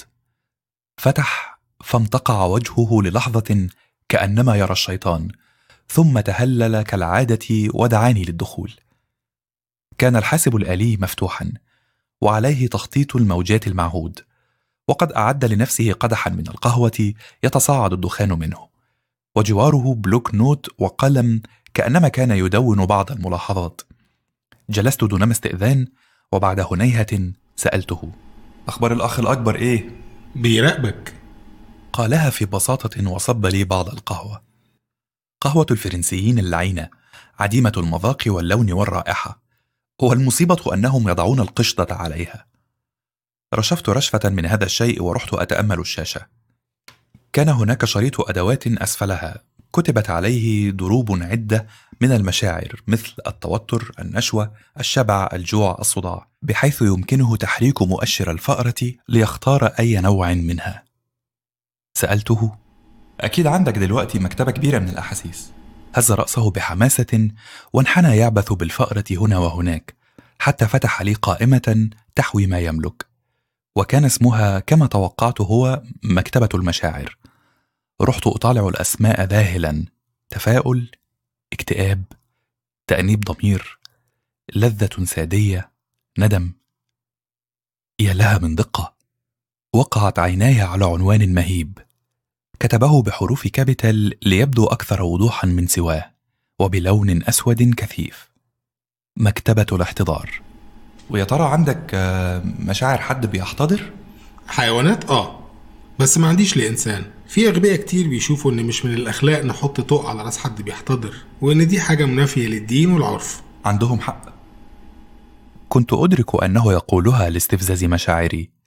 ليرى بطلقة اختبار المدى الذي يمكن أن أتسامح فيه لكني أخرسته. هز رأسه وابتسم كمن يرى طفلا يتحامق. أنت ما سمعتش عن العالم الياباني اللي حط واحد بيحتضر على كفة ميزان عملاق وقارن ما بين وزنه قبل الموت وبعد الموت وقال إن الفرق ده بيساوي الروح ووزنها قد كده من الميكروجرامات؟ إيه الجنان ده؟ دي تجربة جمعت بين الكفر والقسوة وبعدين يعني هي الروح ليها وزن. طبعا قياسه كان غلط لأنه ما حطش في اعتباره عوامل البخر من الجلد وده اللي خلى الوزن بعد الوفاة أقل. أنا مش ببرر اللي عمله لكن بقول مسموح نحط طوق حوالين رأس واحد بيموت. وإيه الفايدة من ده كله؟ آه فهم ميكانيزمات الموت اللي هو أساس علم وظائف الأعضاء وعلم الفسيولوجيا اتوجد لفهم إيه اللي يخلي مجموعة من ذرات الكربون والهيدروجين اللي هي الإنسان يعني تحلم وتحب وتتحرك وتموت؟ بصراحة أنا متردد إني أوريك جزء مهم من التجربة لكن من حقك تعرف مادام بدأت التجربة دي معايا. دلوقتي هنعمل التجربة دي بشكل عكسي. قصدك إني هعرف مشاعر الكمبيوتر؟ حاجة زي كده.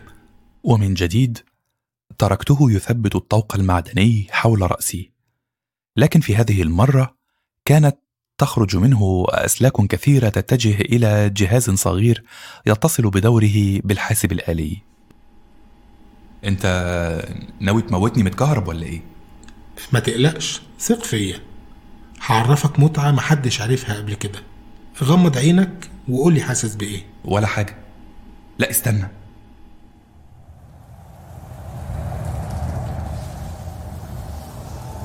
يا للروعة إنني أحلق أحلق في سماوات صافية لها زرقة البحر ونقاء البلور. أدنو من السحب لأجني منها ما يملأ كفي إنني الأقوى والأعظم والأجمل. كيف لم أفطن لهذا؟ أهبط إلى الأرض لأخطو فوق بساط سندسي. عند الشمال يوجد غدير يتدفق في نعومة. وبرنادة قادمة النحو بالسرعة البطيئة كما في أفلام السينما. ثوبها الأبيض يتطاير من ورائها. أحبك يا علاء. لم أستطع أن أصارحك بهذا. أنا الذي يحبك يا برنادت. لا لا لا تقل هذا. لا تحاول أن تدغدغ غروري الأنثوي. أعرف أن مثلك يا علاء لن يحب مثلي. أمي آتية من بعيد. تبدو أصغر سنا. لقد تحررت من داء النقرس الذي جعلها قعيدة تماما. تضحك فيشرق وجهها الطيب. رائحة القهوة والحبهان تفوح من ضحكتها. رائحة البيت. شلبي يهتف في انفعال. علاء عبد العظيم هو أعظم أطباء سفاري. أنقذ الملايين من مرضى التيروس. جايزة نوبل في انتظارك يا علاء. ها أنا ذا أتقدم لاستلام الجائزة في السويت إنه المجد. نسرين تولول باكية. تهرع إلي وتصيح. علاء أنا أسفة. أنا كنت غلطانة. يا ريتك ترجع لي. أنا أتمنى أتجوز طبيب عظيم زيك. وندمان إني ضيعت الفرصة. لكني أرمقها في تعال وأغمغم. ضيعت الفرصة خلاص. تصرخ. تبكي. تقطع شرايينها وتموت. عندها أنظر لها في أسف و خلاص كده. كفاية عليك قوي لحد هنا. قالها دبون ففتحت عيني لأجد أنني ما زلت جالسا في معمله. ولم تكن هناك برنادت ولا أمي ولا لجنة نوبل. صحت ذاهلا وأنا أنظر حولي. هو إيه اللي حصل ده؟ شعور رائع مش كده؟ أنا وصلت لقمة المتعة. مش بس كده. أنا اديتك مجموعة من المشاعر النشوة والتفاؤل والثقة بالنفس وديك جربت ده بنفسك. بس هو, هو, هو إيه مرض التايروس؟ على قد علمي مفيش مرض بالاسم ده. أنت حلمت بيه؟ حلمت إني اكتشفت علاج ليه؟ شكله مرض من اختراعك. فهمت دلوقتي أنا عملت إيه؟ أنت خلقت حالة عاطفية مزيفة وحطيتني فيها. بالظبط كده. استخدمت فيها عينات المشاعر الموجودة عندي. بس ده خطر. فعلا خطر. لأنه ممكن يخليك مدمن.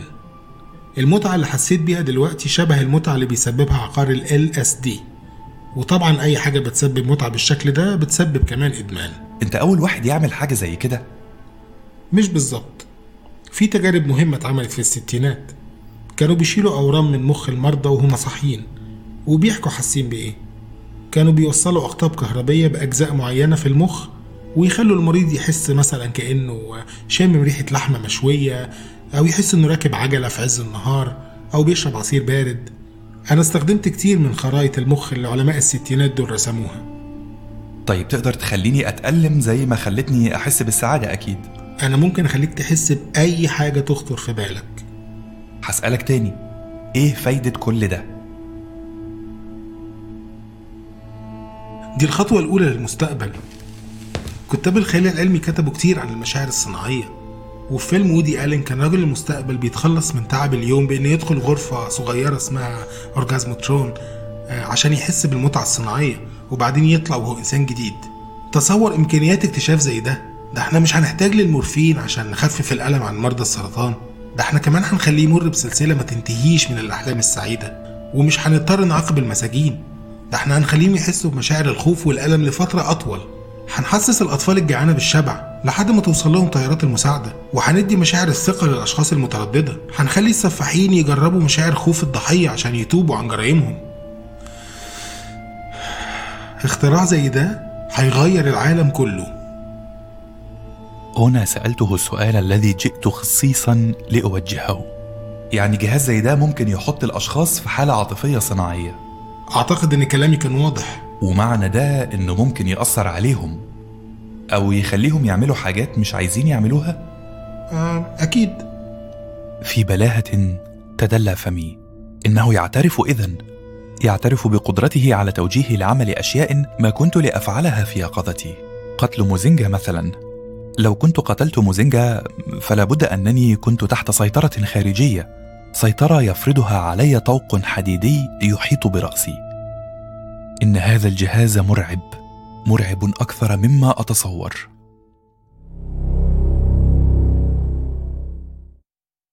لم أصارح الرجل بشيء من خواطري السوداء. وفي الصباح رحت أمارس عملي المعتاد مع طبيبة المعمل الشنطاء هيلجا. أتلقى لومها على عدم تركيزي وخلط العينات ببعضها لكني برغم هذا كنت أملك القدرة على تأمل نفسي من الخارج. الحقيقة أنني لم أكن على ما يرام. تجربة الأمس ومشاعر النشوة الصناعية التي منحني إياها دبون لم تمر على خير. وها أنا ذا أعاني ذات الأعراض التي يعرفها مدمن الخمر أو مدمن المهدئات حين يفيقون في اليوم التالي. يسمونها هانجوفر ولا أجد ترجمة عربية موفقة لها. كنت منهمكا في تدوين بعض الأرقام حين دخلت برنادة المعمل وكان هذا دأبها كلما تأخرت عينة ما.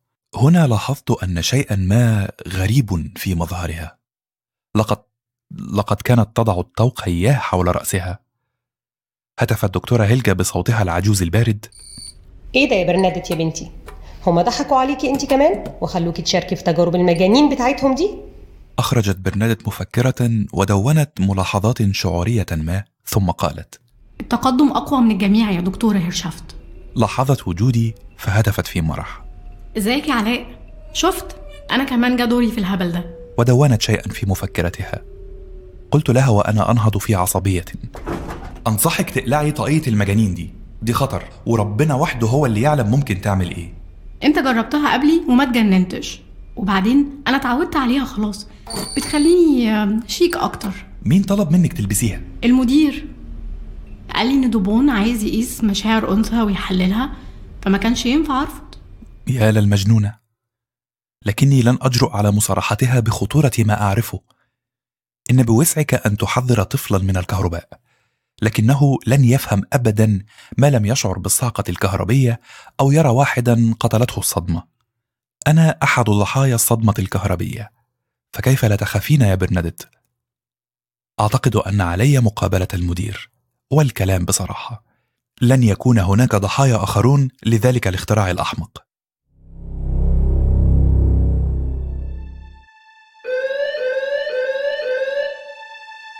راح جرس الإنذار يدوي. كنا في الكافيتيريا فتصلبنا في الأوضاع التي كنا عليها. من كان يرفع الملعقة إلى فمه ومن كان يجرع من كوب العصير. بعدها دوى صوت المذيعة على كل الجراحين التجمع فورا في العمليات. على كل الجراحين التجمع فورا في العمليات. إن الحوادث التي تستدعي تشغيل جرس الإنذار نادرة هنا. ولا تقل سوءا عن انفجار بركان في مدينة. نظرت لساعتي فوجدت أنني غير مطالب بشيء معين ولربما لن يزيد وجودي الأمور تعقيدا. وهكذا رحت أركض في الممرات ومعطفي مفتوح شاعرا بفخر صبياني لمنظري الذي كان سيروق لأمي حتما. هي ذي قاعات العمليات وقد تحولت إلى سيرك يضم لاعبين من كل الجنسيات. الكل يثرثر ويتكلم ويشير. وقد وقف عدد لا بأس به من الجراحين بثيابه الداخلية ينتظر دون حرج دوره في إجراءات التعقيم رأيت وسط الزحام الإيطالي كارلوس باتساني. كان بفانيلته الداخلية لا يكف عن الثرثرة التي هي أشبه بالسباب أو السباب الذي هو أشبه بالثرثرة. كان منظره مضحكا ببدانته والشعر الكث الذي يغلف ذراعيه وصدره. حتى إنني بحثت عن شعر في بياض عينيه فلم أجد. سألته متوقعا صيحة تبعدني هو إيه اللي بيحصل يا بروفيسور؟ على الفور امتدت يده الغليظة تجذبني من عنقي وصاح. هو واحد تاني يا بير. الولد ده كويس. خده معاك. طيب ممكن أعرف هو فيه إيه؟ حريقة يا ابني. عربية الإسعاف جابت لنا ولا ميت واحد. هنا جاء طبيب العناية المركزة بيير واقتادني من ذراعي. لم يكن هناك مكان يكفي لمائة مريض. ولا حتى لخمسين. لهذا وجدت الردهة الخارجية قد تحولت إلى عنبر كبير يتمدد فيها على الأرض عشرات السود الذين احترقوا أو كادوا. تبا لها من فوضى.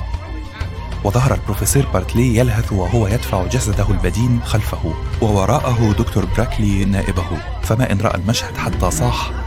إيه ده؟ إحنا ما نقدرش نستقبل العدد ده كله. ليه ما حدش أخده من مستشفى تانية؟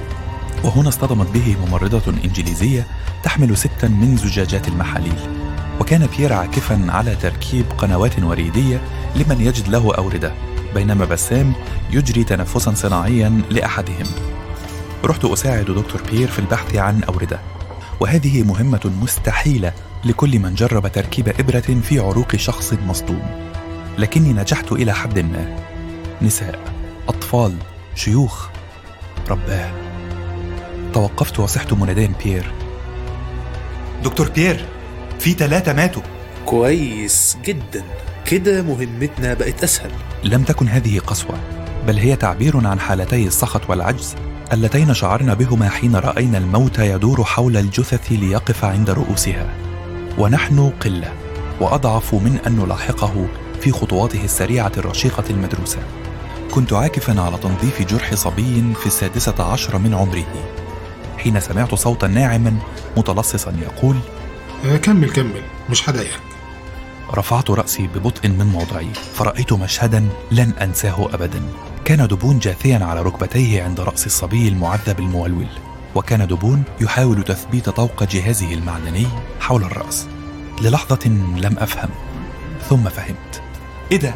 أنت بتحاول؟ اصبر بس دي عاطفة نادرة فعلا. الألم في أبشع صوره. دي أحسن حاجة ممكن أضمها لمجموعتي هنا فقدت التحكم نهائيا في أعصابي. أنت حقير. نظر لي في ذهول وعدم فهم. هنا وثبت نحوه وكورت قبضتي ولكمته في أنفه أعز لكمة كان لي أن أوجهها في حياتي. وقبل أن يفهم أنني ضربته وجهت لكمة إلى معدته ثم سيف يد إلى مؤخرة عنقه. ولحسن الحظ كان هزيل البنية. لهذا تهاوى على الأرض كعروس ماريونيت مات محركها بنوبة قلبية. في اللحظة التالية وجدت خمسة يقيدونني ويبعدونني عن الرجل. ورأيت البروفيسور بارتلي ينظر لي في ذهول. علاء أنت مجنون؟ كده يبقى أنت فعلا قادر تقتل إنسان. أنت مش شايف المجنون ده بيحاول يقرأ مشاعر الولد وهو بيتعذب؟ الكائن ده ما يستحقش يكون إنسان أصلا. ولو كانت جزمتي أكبر كنت فعصته زي ما بفعص اي أي تعبان مش كده؟ لا ذكي تلميح يا دكتور بصراحة. بس عايز أسألك يعني بما إنك رجل شريف أنت شايف إن ده تصرف سليم؟ لا طبعا. الحيوانات بتحس عنه. لكن في طرق تانية نعترض بيها غير كسر المناخير. للأسف أنا مضطر أخد إجراء ضدك. خلص اللي وراك وتعالى لي على المكتب. الحيوان ده شيلوه من هنا وهاتوه على المكتب عشان أشوف هنعمل معاه إيه. كان للفظة الحيوان أثر السحر في تهدئتي. أخيرا خرج المدير من دائرة الانبهار بدبون وبدأ يطلق عليه نعوتا غير مهذبة. لا بأس على الإطلاق. وهكذا عدنا نواصل مهمتنا الشاقة مع جيش الجرحى والمحتضرين الذي فوجئنا به. ولا بد أن سبتساني الجراح الإيطالي قد استأصل عشرين طحالا وشفط عشرين تجمعا دمويا قبل أن نشعر أن الأمور قد استقرت نوعا. وهكذا توجهت إلى مكتب المدير منهوكا ملوثا بالدماء ورائحة الشياط تنبعث من أنفاسي. ولم تقل السكرتيرة كلمة ما لأن منظري كان يغني عن أي سؤال. لا بد من أن ألقى المدير الآن وإلا حدثت كارثة. ودخلت لأجد الرجل عاكفا على إجراء مكالمات عدة. طالبا أن تتدخل وزارة الصحة لنقل بعض المصابين لمستشفياتها. أشار لي كي أجلس. ثم واصل الشجار في الهاتف. أخيرا وضع السماعة وقال. يؤسفني يا دكتور عبد العظيم. وفهمت معنى استعماله للصيغة الرسمية عبد العظيم في مخاطبتي بدلا من علاء ذات الطبع الأبوي الودود. قلت كي أريحه من مزيد من الكلام. أيوة فاهم. أنت مستغني عن خدماتي لأنك مش عايز شوية رعاعة هنا في سفاري. ونفس الشيء هيتطبق على دبون. مش عايز وحوش على هيئة بني آدمين هنا. أتمنى تقدم لي استقالتك كمان ساعة. لم يكن هناك ما يقال. ولو كان يفترض أنني سأنهار وأبكي فهو مخطئ. لقد فعلت ما يجب عمله. ولو عاد الزمن لفعلت الشيء ذاته. مش عايز تقول حاجة يا علاء؟ مفيش حاجة تتقال. انت بتأدي واجبك. عموما لسه قدامي وقت أفكر هرجع مصر إزاي. رصيدي في البنك يكفي على كل حال. يمكن ألاقي عيادة صغيرة يمكن أعرف أرجع لعملي في الحكومة. ما افتكرش هفكر في الجواز. بس تقريبا دي حاجة لازم تحصل لو رجعت مصر. هنا كان عندي حجة دايما جاهزة إن أنا ما عنديش وقت ومفيش فرص. بس في مصر أكيد ح... مش عارف طب وبرنادت؟ شكلك مش فاهم معنى استقالتك. الموضوع مش بالبساطة دي. ليه؟ ما كل الناس بتستقيل من شغلها طول الوقت. معنى استقالتك هو إني أطلب من الشرطة تيجي تاخدك لأنهم أخلوا سبيلك بضمان عملك ودلوقتي مفيش مبرر إنهم يسيبوك بره السجن. جلست إلى مقعدي شاعرا أنني على وشك أن أفقد الوعي وقلت أنا ما جاش في بالي الموضوع ده. بس أنت كده بتعاقبني بحاجة أسوأ من الطرد. طب طالما أنت عارف كده ليه طلبت استقالتي؟ يمكن ما أقبلش استقالتك مراعاة لظروفك بس على الأقل مستني منك تفسير أكتر للي بيحصل ده. دكتور بارتلي آه أفتكر إني فعلا أستحق العقاب. عشان ضربت دبو؟ لا علشان أنا اللي قتلت موزينجا. في الساعة التالية دق جرس الهاتف ست مرات ودخلت السكرتيرة حاملة أوراقا ثلاث مرات وخرجت لفافتان من جهاز الفاكس. لكن كل شيء لم يمنعني من سرد قصتي بالتفصيل. حينما خلت الغرفة قال المدير كل اللي بتقوله ده مخيف بس مفيش دليل عليه ومفيش محكمة هتقتنع بيه. بس أنا هأجل طرد دبون لحد ما نعرف حكايته إيه بالظبط. ويا ريت كمان تمنعه يوزع جهازه ده على الناس. أنا شفت برنادت حطها على راسها. ويا عالم عملت إيه وقتها؟ تمام. ودلوقتي هعاقبك عقاب مناسب. ثم استدعى السكرتيرة. وبابتسامة رقيقة طلب منها أن تتأكد من خصم علاوتي مع خصم أسبوعين من راتب الشهر. يا لكرمك يا سيدي إنها معاملة أرق من أن أستحقها. في الصباح خرجت من غرفتي شاعرا بشعور لص أمسكوه متلبسا في حافلة مزدحمة كأن مئات الأيدي انهالت علي ضربا طيلة الليل قابلت برندت فما أن رأتني حتى أشرقت وكورت أنفها قائلة هاي علاء سمعنا إنك اتعاقبت علشان ضربت دبون بصراحة هو يستاهل بجد ليه؟ هي خلصت تجربتك معاه ولا إيه؟ كان بيحاول يستنتج مشاعري أه، بس معرفش تصور إنه بيقول إني لما قابلتك في المعمل ظهرت موجات بتدل على الحب والغرام وهو استنتج بكده إني بحبك؟ أنت متصور الهبل ده؟ هو قال كده؟ تخيل! هو قال كده فعلا؟ ده مجنون جدا. مش ممكن.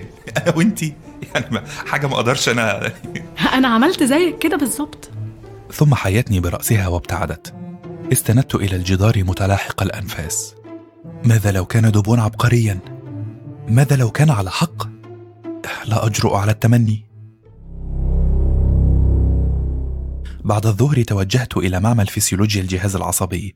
طرقت الباب حتى انفتح ليظهر لي وجهه الذي صرت أمقته كسحلية سامة. وكانت هناك ضمادة على أنفه المهشم. فما إن رآني حتى ظن أنني جئت لتوجيه المزيد من اللكمات إلى أنفه وبطنه.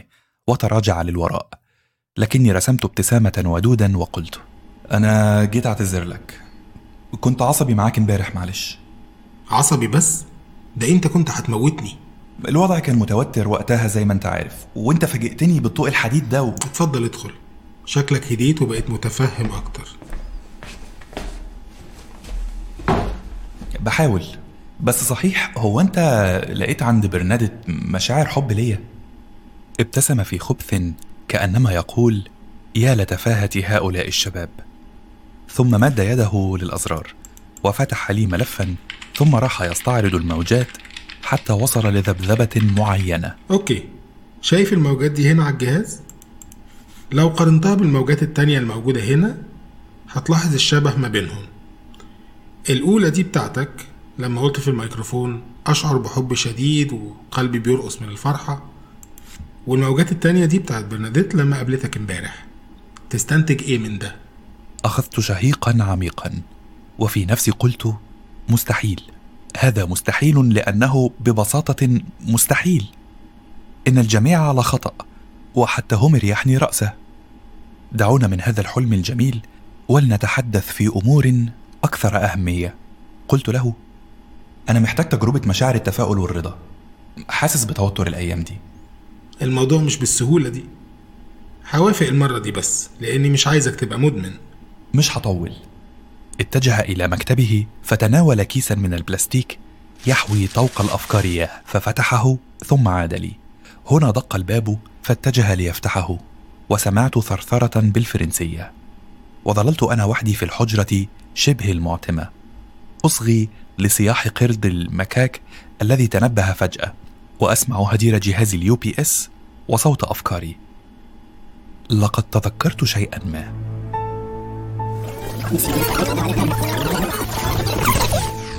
كي أنزع الطوق الحديدي المقيت من حول رأسي فطلب مني أن أضعه في كيس بلاستيكي على المنضدة.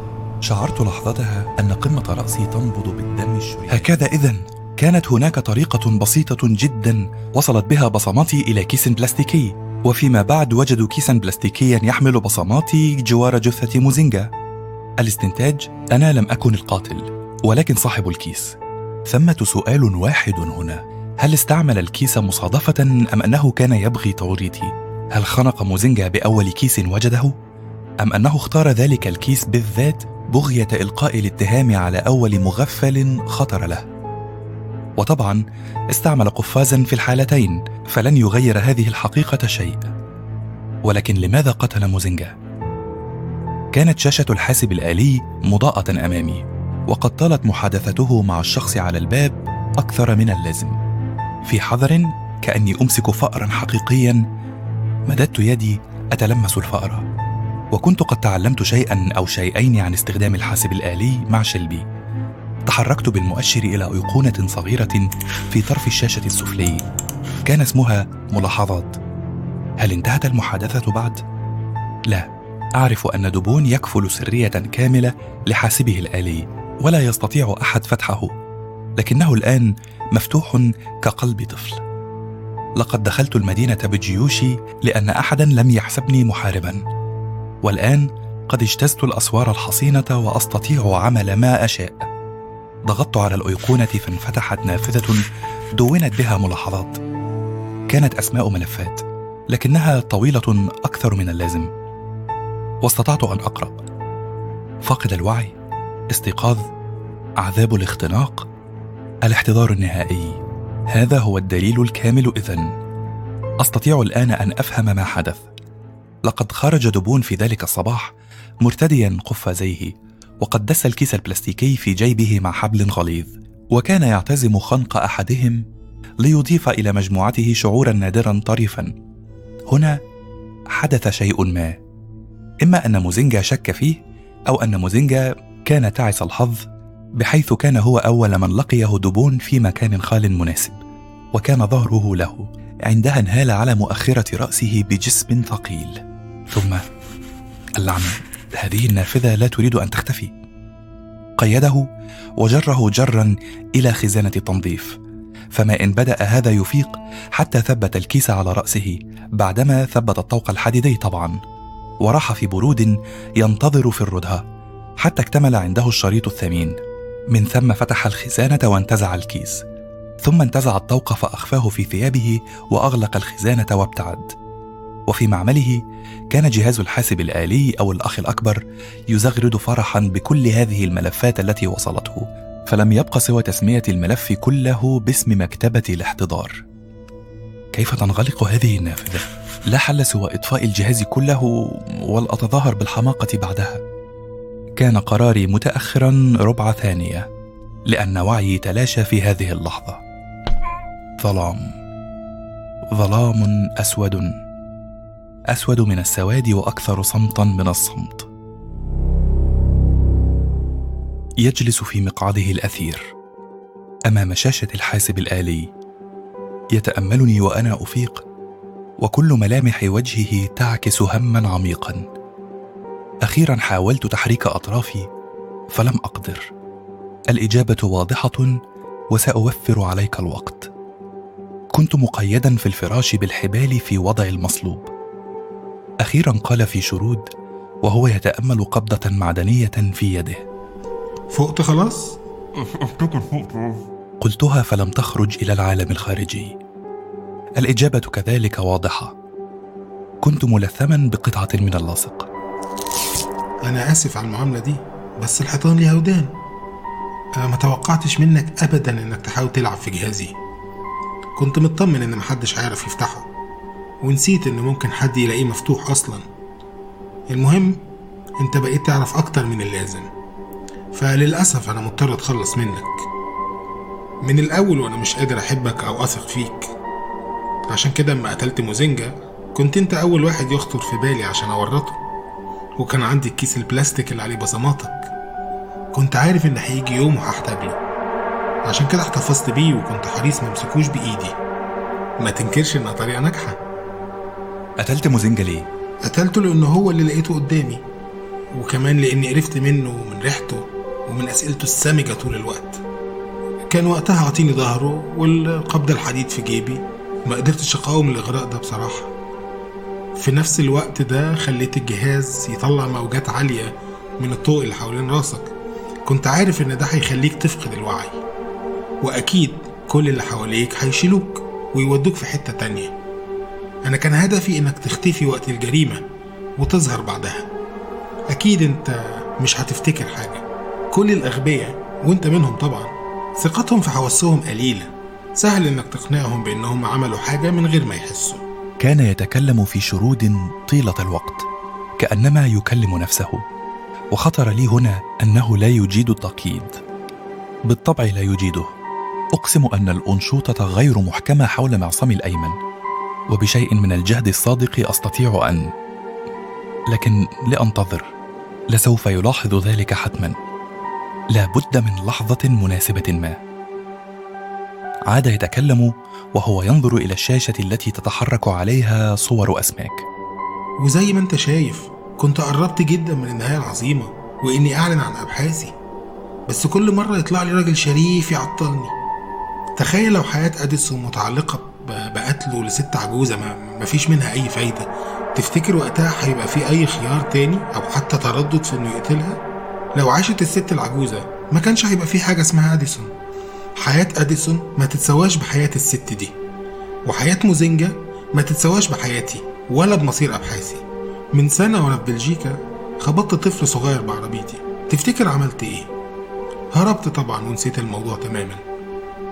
أكيد هتقول عليا إني ندل وجبان بس لو كنت عملت فيها راجل شريف كان زماني دلوقتي في السجن وما كانتش أبحاثي هتشوف النور. وأكيد أنت كمان حياتك مش أهم من حياتي يا دكتور عبد العظيم. وأتمنى إنك تلاقي شوية سعادة لما تعرف إنك بتقدم بموتك خدمة في سبيل العلم. الصراحة إني لحد دلوقتي ما فكرتش أقتلك إزاي بس هتكون بحاجة من اكتشافاتي. يعني مثلا أديك شعور مضاعف من الألم اللي هيخلي قلبك يقف فورا من شدة الصدمة العصبية. بعدها أرميك في حتة بعيدة عن هنا وما تنساش إننا في نص الليل. وساعتها هيندهش دكتور بارتلي إزاي شاب زيك يجيله نوبة قلبية ويموت بيها؟ بس التشريح هيأكد ده وهينفي أي أسباب تانية للوفاة. وبكده هتنتهي حكايتك. ثم نهض. وسمعت صوت سائل يتدفق في كوب. قربت يجب أن أحاول كما توقعت. إن معصمي الأيمن يستطيع الخروج من القيد ومعه يدي كلها. فعلت ذلك ثم لففت طرف القيد كيفما اتفق حول يدي ليبدو في مكانه. سأنتظر لحظة أن يدنو من الفراش كي تذكر أن الأخ الأكبر يراقبك. عاد حاملا كوبا من العصير عديم المذاق فجلس إلى مقعده وراح يتأمل الكوب بعض الوقت ثم قال بس أنا ما عنديش الشجاعة لقتلك. عشان كده هاخد الشجاعة من جهازي. أخدت المشاعر دي من برناديت لما ضغطت على نفسها عشان تشيل دودة طويلة لقيتها في عين طفل صغير. المهم المهم أنا سجلت اللحظة دي باعتبارها صورة راقية للشجاعة. وتناول الطوق فوضعه فوق رأسه ثم تحرك بمؤشر الفأرة على القوائم حتى وصل لما أراد. قال لي باسما عملية نقل الشجاعة مش هتحتاج أكتر من خمس دقايق وبعدها هرجع لك. مش هتأخر عليك. وضغط على زر الفأرة أغمض عينيه في ترانس عميق. لم يعد أمامي وقت كاف للتظاهر وثبت كالمجنون ورحت بأناملي وأسناني. أحرر المعصم الأيسر. كان هذا سهلا. ثم انحنيت للأمام. ورحت أحاول تحرير الساق اليمنى. كان هذا عسيرا لأن الوغد أحكم رباطها. لكني لا وقت لدي. استدرت لأبدأ تجاربي على الساق اليسرى وتذكرت ما يفعله حيوان الولفرين في كندا حين يقع في المصيدة. إنه ببساطة يقطع ساقه الحبيسة بأسنانه لكني لا أملك مزاجا لعمل هذا اليوم. الحمد لله القيد يرتخي. نعود للساق اليمنى الآن. تحرري أيتها الحمقاء. تحرري. لماذا لم أكن من الطراز الذي يحمل مبرد أظافر معه؟ تحررت؟ أخيرا. ووثبت إلى الأرض وهرعت إلى الرجل الجالس في غيبوبة أمام الشاشة. هل أحطم رأسه؟ هل أغادر المعمل طالبا الغوث؟ العدالة الشعرية. العدالة الشعرية. هذا الرجل قتل صبيا بسيارته وقتل مزنجة على سبيل اللهو العلمي والآن ينوي قتلي لمجرد أنني حشرة. حين أغادر المعمل صارخا سيكون هو جاهزا بألف حجة وألف مبرر ولسوف يصدق الناس أنني جننت. وهو؟ هو سيستمر للأبد. سيقتل آخرين سيخالف كل قوانين الرجل العادي لأنها لا تنطبق عليه. العدالة الشعرية. أحيانا لا يكون قتل الصراصير جريمة. التقطت منديلي من جيب سروالي وغلفت به يدي ثم مددت يدي من فوق كتف الرجل لأتناول الفأرة تحركت لأشير إلى مكتبة الاحتضار. ثم ضغطت الزر. وانفتحت أمامي قائمة غير عادية. الموت خنقا ببطء. الموت بالسرطان. موت في حريق. نزف بطيء. يا للهول. تحركت إلى رقم واحد وأعدت ضغط الزر. ظهرت لي العبارة الشهيرة. Press start when ready. منظم جدا هذا الوقت. لقد جعل البرنامج ذا واجهة محترمة كبرامج المحترفين المعدة للتسويق. ضغطت زر البدء. start وبدأ البرنامج يعمل. ظننت شيئا لن يحدث. بعدها أدركت أن وجه الرجل يزرق. لقد بدأت الموجات الكهربية تزحف إلى نخاعه المستطيل لتحاصر مركز التنفس. صدره يعلو ويهبط. فمه ينفتح. لسانه. لم أستطع متابعة المشهد أكثر من ذلك. جريت إلى الفراش فتأكدت من إزالة بصماتي ومزقت الحبل بأسناني وضريت أطرافه في جيبي. ثم عدت لشاشة الحاسب الآلي فتأكدت من تنظيفها مع الفأرة. هل نسيت شيئا؟ لا. حتى لو نسيت فمن الطبيعي أن توجد بصماتي في هذا المعمل والآن أغادر المكان. أرجو ألا تكون قرود المكاك قادرة على الكلام. نظرت للوراء فوجدت رأسه محنيا على صدره وقد راحت الرغاوي تسيل من شفتيه. لقد ارتكبت جريمة قتل لكني قتلت قاتلا قتلت وحشا. ابتعدت كثيرا عن المعمل ولم يكن هناك أحد. توجهت إلى غرفتي وأغلقتها علي ونمت كلوح من الخشب حتى الصباح.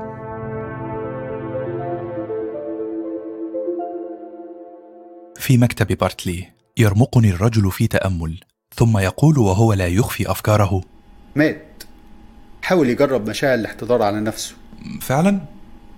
هو كان عنده كل المشاعر دي في مكتبه؟ مش بس كده. إحنا لقينا ملفات على جهازه فيها دليل قاطع على انه هو اللي قتل موزينجا.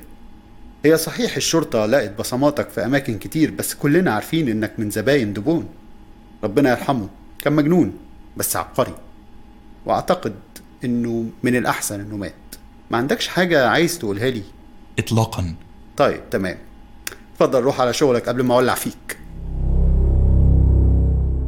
كانت هناك نسخة من البرنامج على أسطوانة مركبة. وفي بلجيكا فتح دكتور ريمون ساجيل المظروف ليجد هذه الأسطوانة. لقد أرسلها له صديق عمره ومنافسه دبون من الكاميرون. يقول في الورقة المطوية حول الأسطوانة في حالة حصل لي أي حاجة. أنا عارف إن عندك نفس جنوني وحماسي وثورتي على الأخلاق والعرف. هز دكتور ريمون رأسه ودعب ربطة عنقه كعادته. المجنون الأقرع ده بيقول كلام يخوف بجد. أما شوف الأسطوانة دي فيها إيه؟ وفي اللحظات التالية سيقرأ الملف الذي يشرح التجربة ولن يصدق حتى يرى. ماذا سيحدث بعدها؟ للأسف نحن لا نجيب عن أسئلة كهذه في سفاري. دكتور علاء عبد العظيم أنجوانديري تجربة محرمة. قصة دكتور أحمد خالد توفيق. إنتاج قناة تسجيل.